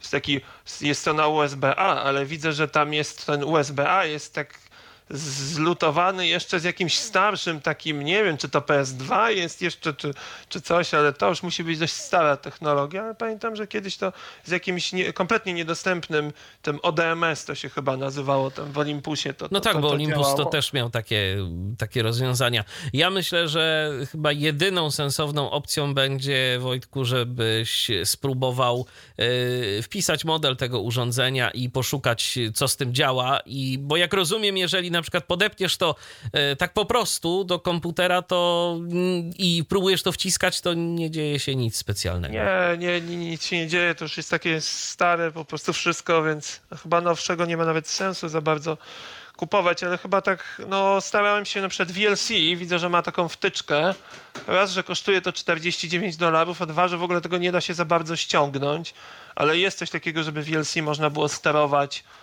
tymi sterownikami nożnymi, co, co mnie by najbardziej odpowiadało, y, no bo VLC to jest dobry program, lubię go, no ale no nie da się najwyraźniej, tak jak ja bym chciał. Znowuż. Masz To duże może- wymagania. Nie, wyszuk- to może poszukaj faktycznie sterownika, który by emulował po prostu jakieś klawisze i może w ten sposób. Tak, bo takie, takie na pewno są. Mhm, ale to trzeba wpisać co nazwę i jakiś właśnie coś z emulatorem, tak próbować w wyszukiwarce tak, czegoś takiego szukać? Czy? Znaczy emulator jak emulator, to wydaje mi się, że to są po prostu kontrolery jakieś nożne, yy, które z, po prostu z zasady wciskają jakieś klawisze. Ja to widziałem w sklepie muzycznym, tylko to nie mhm. były kontrolery nożne, tylko jakieś tam zwykłe ręczne, które, mm, które właśnie jakby mogły sobie dowolne klawisze, tam można było sobie w jakimś softie, nie wiem czy dostępnym swoją drogą, wpisać mm, i wtedy ten kontroler wysyłał jakieś tam klawisze czy kombinacje klawiszy i w ten sposób można było sobie to robić. No to będę To tam kosztowało, nie pamiętam, 200 zł. Czy, czy jakoś, tam ich kilka było. Tylko to jest, no to był sklep muzyczny, więc one raczej służyły do pracy z muzyką, choć chyba nie tylko. Hmm. No, jest y, coś, nad czym można popracować na tak zwanych wakacjach, y, także zobaczymy, co to. A to, to masz rację, Michale, że to po prostu te wymagania są jakieś ogromne, absurdalne wręcz. To Może znaczy, no są, nietypo, są, wiesz, są nietypowe, są nietypowe, a zawsze jest niestety problem taki, że jak ktoś ma nietypowe wymagania, które wykraczają gdzieś poza jakieś standardy, to, to musi się albo naszukać, a najlepiej to jakby był y, jeszcze zdolny y, do programowania i napisał sobie pewne rzeczy samemu i tak. wtedy byłoby najlepiej, bo to niestety... Ale a propos, a propos takich przełączników, to też e, jeden tutaj Zresztą y, tutaj ten człowiek kiedyś zrobił nawet audycję w tym podcaście, on gra na organach. Tak, to Piotr on poszł, Żołądek. Tak, Piotr. Co, właśnie, y. właśnie dlatego mi się też o nim przypomniało, y, bo ten po jego pierwsze, sterownik... on może znać, tak. po drugie, on chyba w ogóle jeszcze czegoś dziwniejszego, w cudzysłowie oczywiście, poszukiwał, bo on chyba szukał czegoś takiego, co można wciskać łokciem, dlatego, że gdy się gra na organach, to chodzą ręce, chodzą nogi, i trzeba, jest, jest łokieć ewentualnie do wciskania różnych rzeczy, na przykład, żeby ludziom w kościele tekst przesuwać na, e, na, na rzutniku. Także... Świetne. Także tak. Fantastyczne. I uwaga na koniec, słuchajcie, z zakresu systemów komputerowych. Właśnie skończyłem batalię z obronami prac dyplomowych. Szczęśliwie dzisiaj się ile tam? pięć pań obroniło. Wszystko, wszystkie bardzo fajne, prace super. Natomiast słuchajcie, akurat u nas niestety wróciliśmy całkowicie do trybuna analogowego, więc rameczka, podpisywanie, one tam siedzą, denerwują się co dostają, a my ciurkamy. Jeden podpis za drugim i kalkulatorem wyliczamy średnią. Co ciekawe, jedną obronę mieliśmy w takim nietypowym trybie, bo to, to jakby była nie od nas formalnie i tamci wpadli na pomysł, żeby jednak może wszystko robić online. No i słuchajcie, nie była ziemia, bo kolega tylko wpisał, przewodniczący komisji wpisał pytania. Ja dostałem tylko powiadomienie na USOS, aplikacji USOSowej, że jest, czeka protokół do podpisania, cyk, wszystko było ok. No niestety nie zawsze to tak wychodzi, żebyśmy integrowali te wspaniałe zdobycze y, cyfrowe, jakie dała nam no ta bądź co bądź smutna sytuacja, jaką jest czy była pandemia. No, ale Myślę, że e, pocieszeniem może być to, że e, podobno szósta fala pandemii nas czeka, więc może wrócimy do trybu e, takiego właśnie za czas jakiś, kto wie. Akurat będą wakacje. Także nie wiem. A co Dobrze. po wakacjach będzie, to jeszcze, to jeszcze też nie wiadomo. Tak, tak. Także słuchajcie, y, dzięki za audycję i życzę Wam, no właśnie, jak będziecie mieć, to miłych wakacji. Obyście je mieli właśnie i bez covidów. Oby i wzajemnie. Dzięki. Pozdrawiam. Dzięki Wojtku za telefon, pozdrawiamy. I co, możemy przechodzić teraz... dalej. Tak, y, informacja od Mikołaja i to myślę zainteresuje, czy może zainteresować ludzi, którzy używają aplikacji do nawigacji w terenie. Właśnie nie tylko, bo y, Uniwersytet Montrealu poszukuje osób niewidomych, którzy korzystają ze smartfona y, do ankiety, czy jak i w jakim stopniu korzystają z aplikacji do poruszania się wszelkiego rodzaju, do pomocy w nawigacji, więc jeżeli ktoś zna język angielski, to podrzucamy linka. Myślę, że może być warto wypełnić. Ja jeszcze mam tu informację od Witolda. Witold podrzucił link do aplikacji. Będzie on dostępny w komentarzach pod audycją, kiedy umieścimy ją na stronie internetowej. Natomiast e, jeszcze jest jedna e, wypowiedź Witolda a propos właśnie tej aplikacji. E, zapomniałem dodać, że edytor bardzo dobrze współpracuje z najprostszą wersją Braille Pen, czyli klawiaturą bez linijki. Nie pamiętam modelu. W oryginalnym notatniku iPhone'a miałem tak, że jak tekst był bardzo długi, to opóźnienia były bardzo duże, a w pewnym momencie nie dało się pisać. O. I kolejny news, który się wydaje bardzo taki techniczny, ale nie wiem, czy konsekwencje nie mogą się okazać dość ciekawe dla wszystkich, bo okazał się JOS, który współpracuje z komputerami z procesorem ARM. Tak jest, a trochę tych tabletów z Windowsami zaczyna się pojawiać, zaczyna się pojawiać tego coraz więcej, między innymi to te tablety od Microsoftu przecież. E, no i cóż, na, jak na razie to jest wersja beta, więc nie ma co się spodziewać cudów i sami twórcy deklarują, że to na razie są tylko eksperymenty, ale bardzo są ciekawi mm, jakiejś informacji zwrotnej od użytkowników i na nią liczą. Jeżeli chodzi o instalację tego JOSa, to będzie link, y, tak jak zawsze, w komentarzach. Natomiast oprócz tego warto pamiętać o tym, że wcześniej, jeżeli komuś się udało zainstalować y, poprzednie wersje JOSa, te y, dla platform 64-bitowych, takich standardowych, intelowskich, nie ARM, no to y, jeżeli komuś ta sztuka się powiodła, to trzeba tego JOSa odinstalować. Natomiast oprócz tego, że trzeba go odinstalować, to jeszcze pliki współdzielone trzeba wyrzucić i w trakcie deinstalacji JOS powinien być wyłączony. Y, na, tą, y, na te kwestie mm, twórcy JOSa dla ARM zwracają szczególną uwagę, więc pewnie jakimś narratorem sobie można spróbować pomóc, żeby się tego poprzedniego JOSa pozbyć. No i potem można instalować E, to, czego nie trzeba usuwać, to głosów nie trzeba usuwać. No, a też warto przypomnieć, że Maki e, mają właśnie procesory też ARM e, i na nich Windowsa bardziej lub nieoficjalnie da się uruchomić. No i też właśnie była to jedna z rzeczy gdzieś tam, która podlegała krytyce, że był problem z JOSami. No to teraz już nie będzie problemu z JOSami.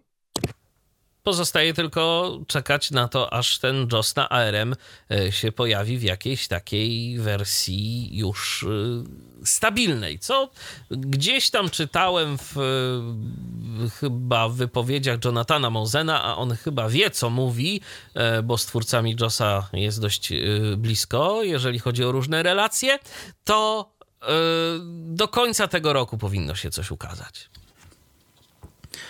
A teraz, jak to już e, w Tyflo Przeglądzie stało się też taką, można powiedzieć, tradycją, czyli krótkie, małe newsy od Mikołaja.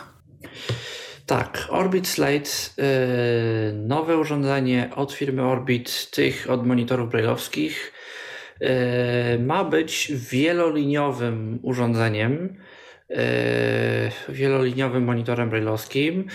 Mówi się o wyświetlaniu jakichś dłuższych tekstów, tabel, informacji właśnie takich w przestrzeni. E, nie wiemy tak naprawdę na razie wiele więcej. To jest taka nowość konwencyjna, która gdzieś tam została zapowiedziana e, chyba przy okazji ACB albo NFB. E, no ACB było w tym roku pierwsze, więc to właśnie bardziej nawet na ACB były zapowiedzi. Ale takie urządzenie ma się pojawić. Na razie nie mamy więcej informacji. AIRA, czyli ten no, amerykański anglojęzyczny system y, do pomocy osobom niewidomym przez profesjonalnych wolontariuszy, wydaje nowe aplikacje na Windowsa, na właśnie te okulary, y, o których przed chwilą mówiliśmy. I na, co ciekawe, telefony Blind Shell. Y, podobno sporo się poprawiła dostępność platformy Google Colab to jest taki system, e, no już bardzo e, gdzieś tam naukowy do tak zwanych Jupyter Notebooks. zwłaszcza w jakimś tam uczeniu maszynowym wykorzystywanym. I to dobrze, się poprawiła, bo sam Jupiter z siebie jest dostępny, jakby chciała, nie mógł. Więc jeżeli jest jakaś dostępna alternatywa, to, to jakby bardzo dobrze, że, że jest. To, to, to też oczywiście nie dziwi, no bo Google oferuje tą usługę gdzieś tam w edukacji, oferuje ją w Stanach, więc chcąc nie chcąc trochę musiał, podejrzewam.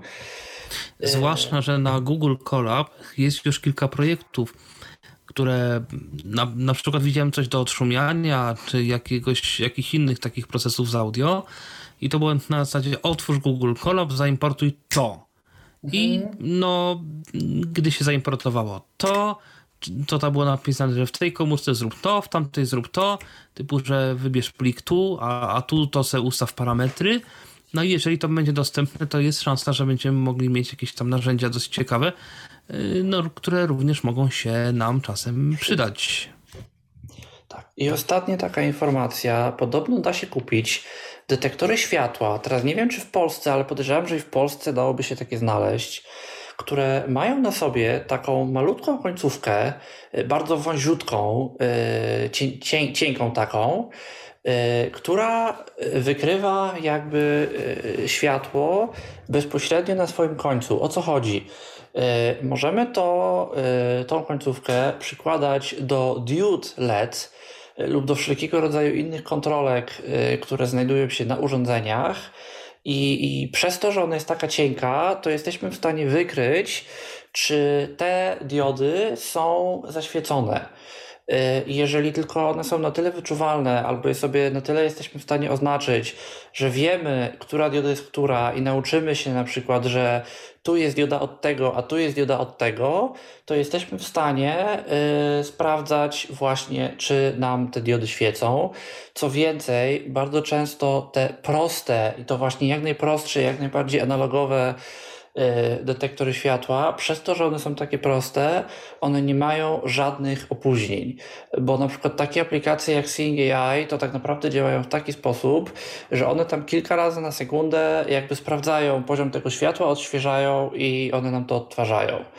Y, a takie detektory są podobno nam bardzo często w stanie y, zmieniać troszkę ten dźwięk, Y, na przykład, jeżeli światło jest elektryczne, y, a. Nawet niepodobno.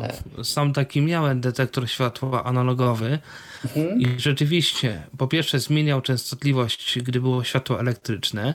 Po drugie, gdy się przykładało do monitora, który miał normalną częstotliwość odświeżania, tam 60 Hz, to mhm. też to było słychać, no bo powiedzmy te takie nowoczesne monitory, które mają 200, 240 Hz, czy tam 360 są nawet, to już może być ciężko. Choć podejrzewam, że też może się troszkę zmieniać ten, ten dźwięk, chociaż nie wiem. W każdym razie, no tak, ja na pewno mogłem y, takim detektorem, nie we wszystkich przypadkach, ale rzeczywiście sprawdzać, czy światło, które widać, to jest światło elektryczne, czy to jest światło dzienne, na przykład jakieś tam słoneczne.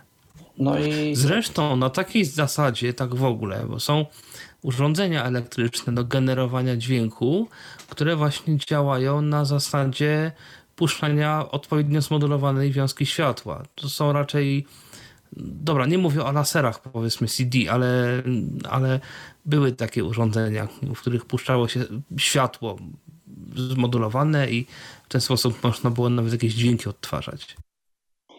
No i też na przykład, jeżeli mamy diodę, która nam mruga w częstotliwości,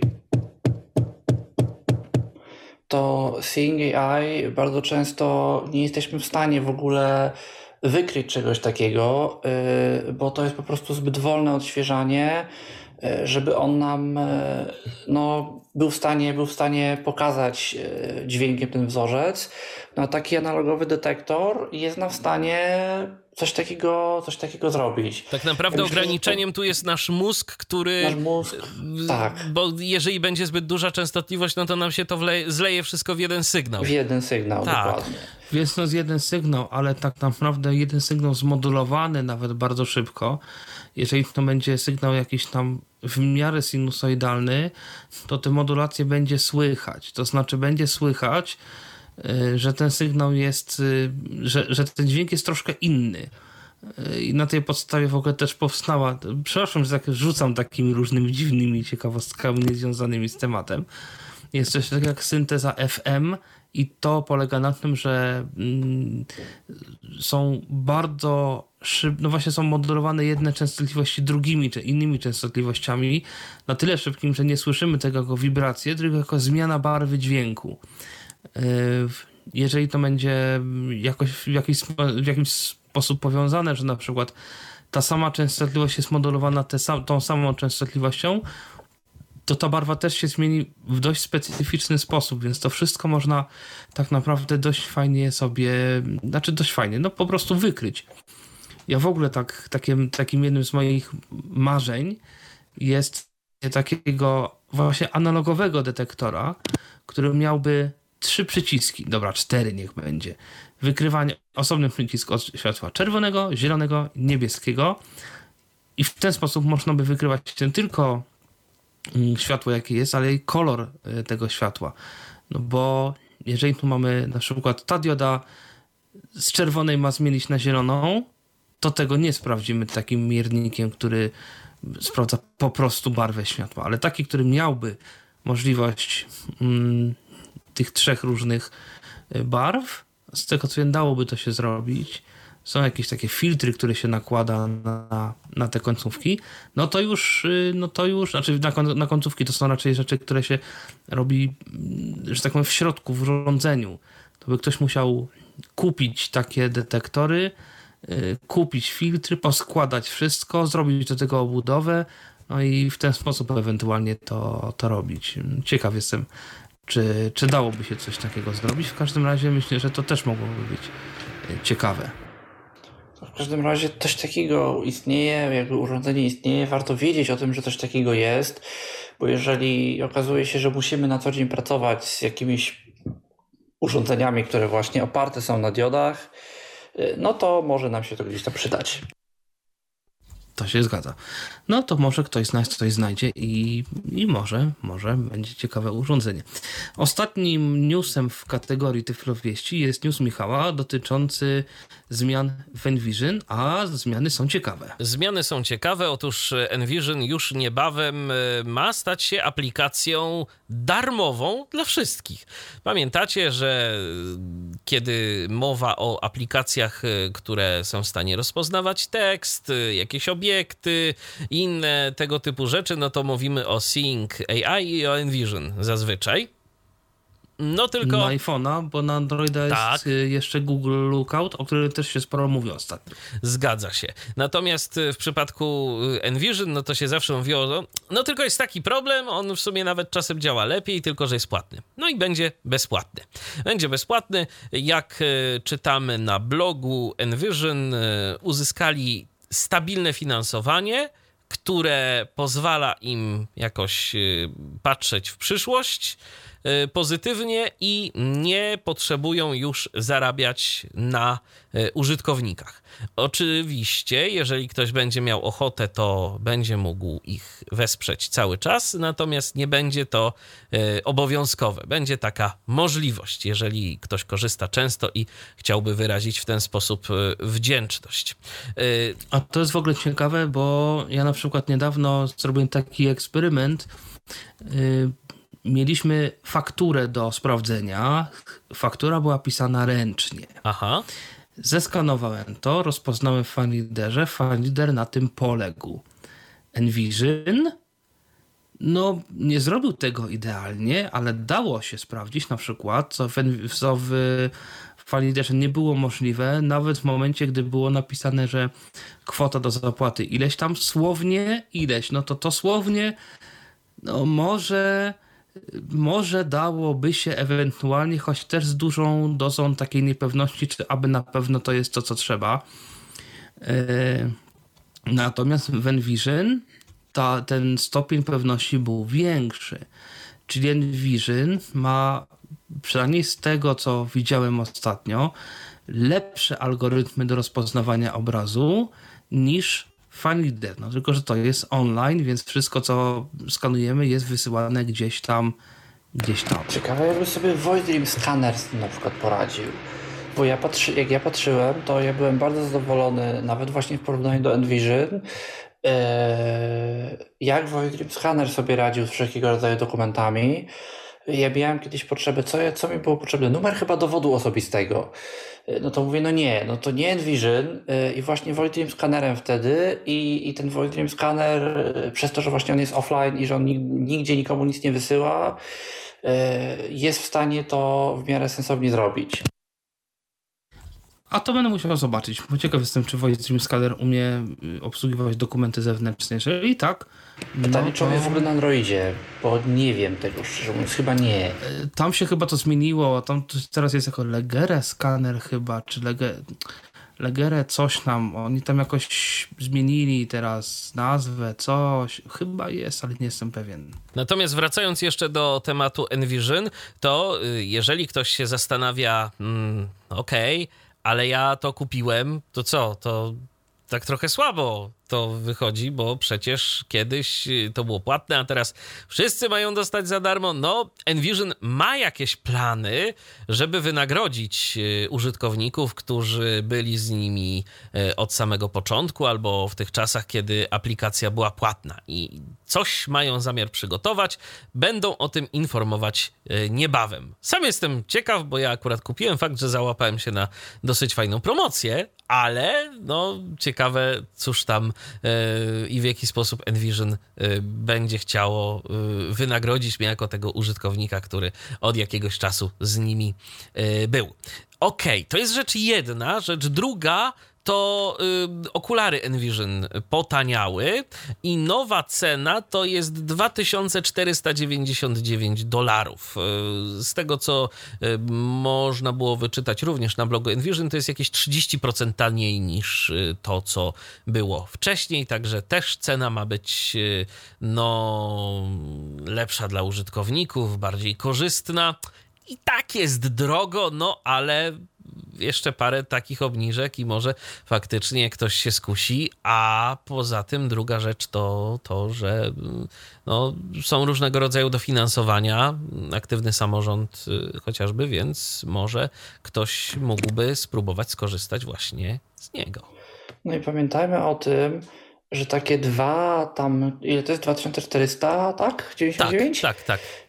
No to to jest co? Cztery z kawałkiem, nie, przepraszam, trzy z kawałkiem amerykańskie renty. Bo tam jest 700 dolarów bazowej, bazowej, oczywiście może być więcej tego, ich, tej składki SSI, którą, którą oni dostają, e, no to, to za takie coś, czyli trzy renty, to jest dla nas co? Licząc, że dostajemy 500 plus dla niepełnosprawnych, to jest 4,5 tysiąca złotych.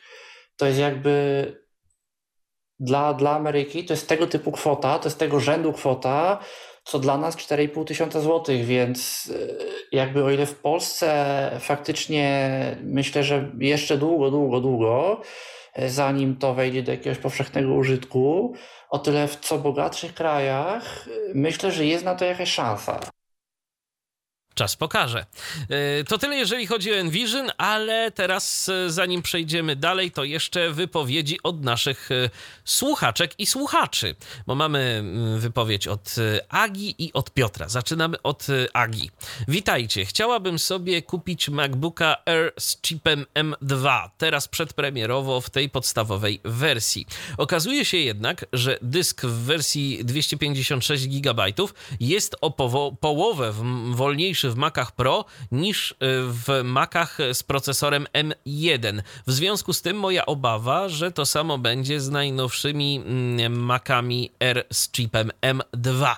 Czy zamawiać go teraz, czy lepiej się wstrzymać i zaczekać na recenzję? Co radzicie? Ja bym, po, ja bym zaczekał, ja bym poczekał, zobaczył co będzie. Y, jeżeli będzie faktycznie tak, no to wtedy zdecydować, y, co chcemy i co chcemy zrobić. Yy, bo, bo faktycznie nie wiemy tego, a jeżeli nam się jakoś wielce nie spieszy, to myślę lepiej poczekać i podjąć decyzję, yy, mając trochę więcej informacji, yy, niż kupić coś, czego mamy potem żałować. i jeszcze wypowiedź od Piotra. Jeszcze kilka nowości z beta 3 systemów Apple. Wykresy w aplikacji Pogoda, zarówno na iOS, jak i macOS, mają teraz dźwiękową reprezentację.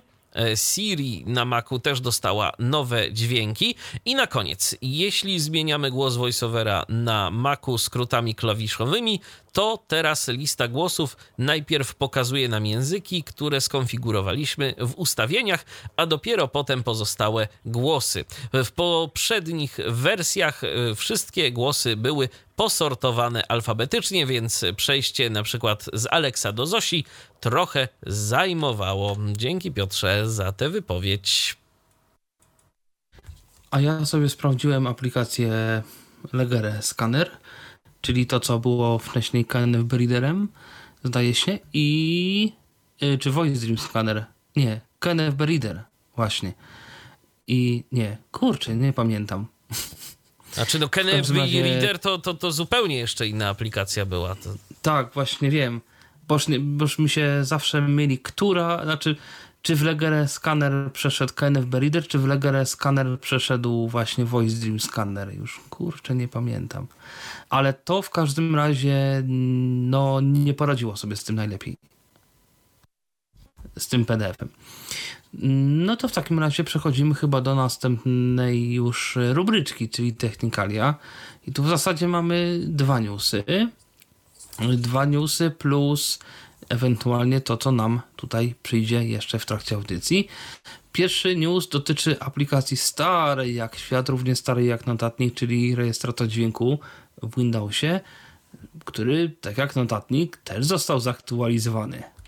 Tak jest. Doszło kilka funkcji. Wiem co prawda e, o nich jedynie z artykułów, bo Windows 11 na moim komputerze nie ma i jak tak czytam o tym, co się dzieje, to jeszcze chyba długo nie będzie. E, ale jeżeli ktoś ma naturę testera, e, będzie chciał sobie pogrzebać, e, bo zresztą ten rejestrator to w ogóle jest na razie obecny w testowych kompilacjach jedenastki. Także mm, jeszcze możecie go nawet nie mieć, nawet mimo tego, że jedenastka na waszych komputerach gości. Ale przechodząc do rzeczy, jakie mamy nowe funkcje?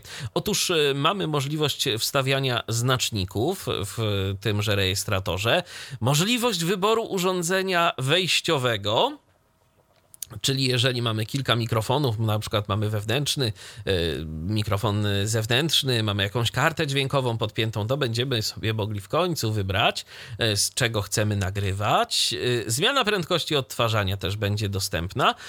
Mamy także całkiem pokaźny, jak na taką prostą aplikację, zapis formatów tego, co nagramy, bo możemy zapisać do MP3, Wave'a, Flacka czy AAC, bądź też WMA, więc kilka kilka tych formatów jest. Co ciekawe, y, możemy też wybrać kilka predefiniowanych jakości i tu mały zgrzyt, bo możemy je wybrać w opcjach rejestratora, nie możemy wybrać ich dla pojedynczego pliku.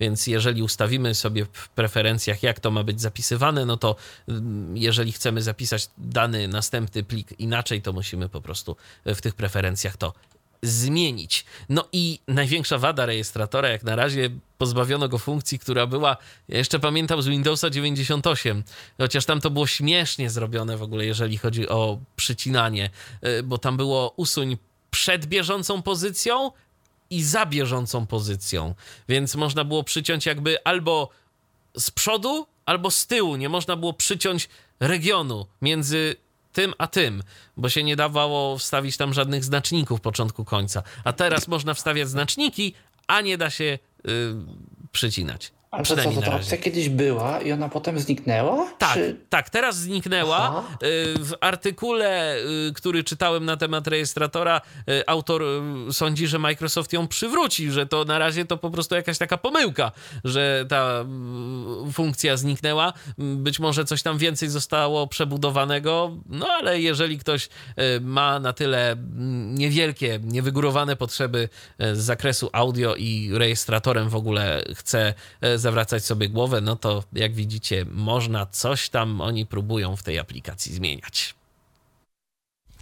No i drugi news też y, od ciebie, Michale, czyli, czyli, czyli o PDF-ach, którego, których nie przeczytamy. Tak jest. Jest strona internetowa i to jest y, coś znowu takiego z cyklu nie polecamy tego. I gdybyście wiedzieli, że ktoś na przykład y, w instytucji, w której, z którą współpracujecie w jakikolwiek sposób, albo jesteście jakoś bliżej związani, miałby ochotę z takich narzędzi korzystać, to, to jest y, strona na czarną listę, którą spokojnie można wrzucić. Tym bardziej, że ta strona informuje o tym, że właśnie dzięki temu można zachować prywatność y, w naszej organizacji, bo PDF-y stworzone przy jej pomocy mm, zapobiegną różnego rodzaju wyciekom danych. No i o co chodzi? Są to mianowicie PDF-y, które przeczyta człowiek, ale nie przeczyta ich komputer. Y, nie przeczyta ich komputer, nie będzie on w stanie rozpoznać tego tekstu, który znajduje się w tych plikach PDF, y, dzięki czemu nie będzie w stanie na przykład w żaden sposób wyszukiwarka zindeksować takich dokumentów. Y, także jeżeli ktoś chciałby się zabezpieczać, no to można w ten sposób. No i strona rzeczywiście działa, wrzucamy tam plik PDF i możemy sobie potem Ale jest to pobrać. dziwne moim zdaniem, dlatego że najprostszą metodą na to, żeby zrobić coś takiego, to jest usunięcie warstwy tekstowej z PDF Yy, i zostawienie no nie tylko do, obrazu. Nie do końca, nie do Bo końca. sprawdziłem sobie, Mhm. pobrałem tego ich przykłado, ten ich przykładowy plik No. i zrobiłem dość prostą w naszym wypadku rzecz. Yy, W NVDA insert R, czyli OCR. I przeczytał. Oczywiście. No tak, y, więc oni tu się, zabezpie- oni tu się y, zabezpieczają oni z tym... korzystają, zdaje się, z tego, Aha. że te, są te znaczki różne, greckie i Tak, jakieś tam tak. unikodowe, które pewnie wyglądają trochę jak litery. Więc podejrzewam, że gdyby ta strona się jakoś rozpropagowywała, to za moment powstałby jakiś słownik, który przekłada to na to. Podejrzewam, że tak. I jest to jakiś Bo oni prosty... nawet maila do siebie mają zapisanego. Tak, w ten, sposób, tak, oczywiście. Więc podejrzewam, że jeżeli to działa w tę stronę, to równie dobrze mogłoby to działać w drugą stronę. W związku z powyższym myślę, że jeżeli to by się z jakiegoś powodu, a nie sądzę, żeby tak się stało, Też nie sądzę, natomiast... y, bo to jest chyba za prymitywne moim zdaniem. Tak, natomiast tak czy inaczej, pamiętajcie, że nie tędy droga dokumenty. Jeżeli nie chcemy, żeby gdziekolwiek wyciekały, to po prostu trzeba je odpowiednio zabezpieczać. Natomiast nie traktujemy dokumentów w ten sposób. y, Jeżeli ktoś y, chce zabezpieczyć dokumenty przed odczytem maszynowym, to jest to mm, naruszenie chociażby kwestii związanych z WCAG, więc po prostu unikamy takich rzeczy. Natomiast no, są ludzie, którzy. Ja podejrzewam, że nawet i w dobrej wierze y, robią takie systemy, ale nie mają niestety pojęcia o pewnych rzeczach y, i o pewnych też typach użytkowników, którzy mogliby chcieć z takiego dokumentu skorzystać. I oczywiście OCR tu sytuację nam rozwiązuje, natomiast y, no to jest nie tędy droga. No i to są wszystkie newsy, które przygotowaliśmy dla Państwa, albo nie wszystkie newsy, które przygotowaliśmy dla Państwa, Y, bo na przykład ja mam newsa, który w sumie nie pomyślałem o tym, że to może być newsem do tego przeglądu, bo jakoś nie, ale no, stwierdziłem, że jednak to jest dość ciekawe, bo widziałem się niedawno z Dawidem Pieperem, który zresztą też tutaj niedawno, niedawno, kilkukrotnie brał udział w, różnych tyflo podcastach na, na, na różne tematy. Ale i opowiadał też o tym, o tym, o czym ty za chwilę będziesz mówił. Tak, bo Dawid op- opowiadał o druku 3D z takiego nieraz technicznego punktu widzenia. Ja tam do niego pojechałem, też szczerze mówiąc, żeby zobaczyć takie wydruki, bo mówił, że ma u siebie takie wydruki. I gdzieś tam sobie, mm, no na tyle się powiedzmy jakoś tam, powiedzmy, że znamy, że, że mogłem sobie do niego na chwilkę przynajmniej pojechać, zobaczyć takie wydruki. I zobaczyłem kilka wydruków, zobaczyłem taką właśnie tabliczkę, jak teraz Fundacja Prowadnica y, robi. Swoją drogą to też mógłby być taki news, że chyba szpital teraz wrocławski w ogóle takie tabliczki, wygrał w tym projekcie Otwarte Drzwi i sobie zawiesił, tam, znaczy zawiesił, pewnie przykleił do drzwi, bo to są takie tabliczki bardzo płaskie, plastikowe i rzeczywiście ten braj tam dość dobrze widać. Oglądałem sobie taką tabliczkę i oglądałem sobie kilka figurek takich wydrukowanych w 3D. Oglądałem yy, którąś z postaci z Wiedźmina, zdaje się, taką, co ma 20 mniej cm wysokości. No i tam już troszkę da się wyczuć, chociaż ja nie jestem dobry w tego typu wyczuwaniu takich różnych drobnych, yy, drobnych rzeczy, bo to są jednak drobne rzeczy. I, ale na pewno są, są ludzie, którzy dostrzegliby tam dużo więcej ode mnie.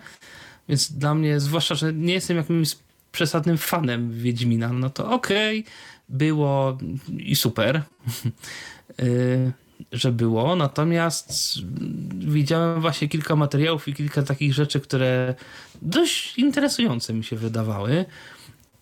Coś takiego, co teoretycznie jest niczym, kostka do gry, tylko że zrobiona z gumy, bo z gumy też da się drukować. Z takiego materiału jak guma. Nawet ostatnio Dawid pisał, że mm, jest kilka twardości gum, w tym jedna taka, z której da się robić i podobno nawet zrobił eksperymentalnie gumkę recepturkę. Także mam, ma gumkę recepturkę wydrukowaną na drukarce 3D. Y, do takiej rzeczywiście bardzo twardej i widziałem taką kostkę do gry zrobioną z gumy i to jest rzecz, którą nie wiem, czy dałoby się zepsuć. I też widziałem taką tabliczkę wydrukowaną z takiej gumy. To jest o tyle fajne, że gdyby na przykład powstały, nie wiem, mapy na przykład z takiego materiału, to można by te mapy nosić gdzieś tam przy sobie, wygięte, zgięte, jakieś tam, można by tym zaczepiać o wszystko i raczej nic by się z tym nie, nie stało. Więc te materiały 3D nie muszą być tylko z takiego plastiku, który jest twardy, ale bardzo łamliwy i sztywny. Wszystko zależy od tego tak zwanego filamentu, który tam Tak, mamy. jest ich ileś rodzajów. Nawet widziałem rzecz wydrukowaną z drewna i to jest ponoć w miarę prawdziwe drewno, bo okazuje się, też Dawid niedawno o tym pisał, że jest taka, taki bardzo mały przedział temperatur, w którym drewno się już topi, ale jeszcze nie pali. To jest tam między chyba 170 a 190 stopni. Więc y, te drukarki mają dość, dość precyzyjnie ustawiane te temperatury wszystkie i te mm, i w związku z tym można są filamenty z drewna i podobno można rzeczywiście drukować rzeczy z drewna. Widziałem taką wydrukowaną, takiego lwa z drewna, zdaje się. Lwa? Czy nie lwa? No coś tam widziałem z drewna wydrukowane. I to rzeczywiście wygląda jak drewniane i podobno zachowuje się zupełnie jak drewno, włącznie z tym, że spalić to można. Więc to są takie, takie no, ciekawe rzeczy. Problem z drukiem 3D polega na tym, że druk 3D się często nie udaje i jest bardzo długi, bo też teraz na portalu Elten są, jest robiona jakaś aukcja taka, która ma troszkę wspomóc y, Fundację Prowadnica i mm, tam między innymi była dyskusja wątku na temat y, Scrabli, i Scrabble można wydrukować. Takie dla niewidomych, no to Dawid mówi, że to jest mniej więcej 30 parę na 30 parę centymetrów, żeby miało to jakiś sens. I taka plansza do Scrabli drukuje się 50 godzin. I przez te 50 godzin no, drukarka jest zajęta. Nie, nie drukuje nic, tylko jedną, jedyną planszę do Scrabli. Mm, zapewne gdybym mieć, nie wiem, jakąś super dobrą drukarkę, bo teraz są jakieś drukarki, które mają ileś tych głowic drukujących, to możliwe, że można ten proces przyspieszyć, ale jakim kosztem? Pewnie bardzo dużym.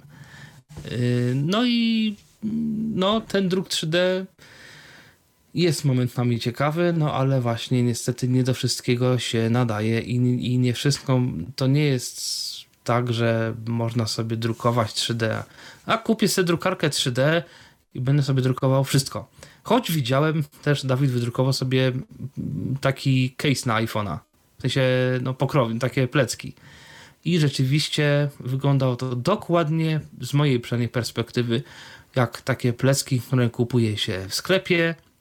Miały dokładnie y, w tych miejscach, co trzeba, wszystkie otwory na przyciski, na kamerę, na, na ten tam suwak do do trybu nie przeszkadzać, na, na, na wejścia. No wszystko było gdzie trzeba, jak trzeba. Wchodziło to idealnie, było spasowane po prostu idealnie, równiusieńko. Tak, ja na przykład się. mam taki, ja na przykład mam taki wieszak na Apple TV zrobiony na drukarce 3D. Aha. Tak, także Także to no- no można da się rzeczy robić, tylko- wydrukować. No, no to zajmuje ileś niestety czasu. Yy, także no tu jest na razie taki największy problem chyba z tym drukiem. I to chyba, są wszyscy mówią, którzy się tym zajmują, że to po pierwsze jest straszliwie wrażliwy na warunki atmosferyczne, od otwarcia okna potrafi się zepsuć wydruk. No i po drugie to strasznie długo trwa. Także no póki tych problemów się nie pozbędzie. No i niektóre elementy się potwornie często wymienia. Potwornie często, nie wiem, co paręnaście dni na przykład. Czy coś w takim dość częstym druku.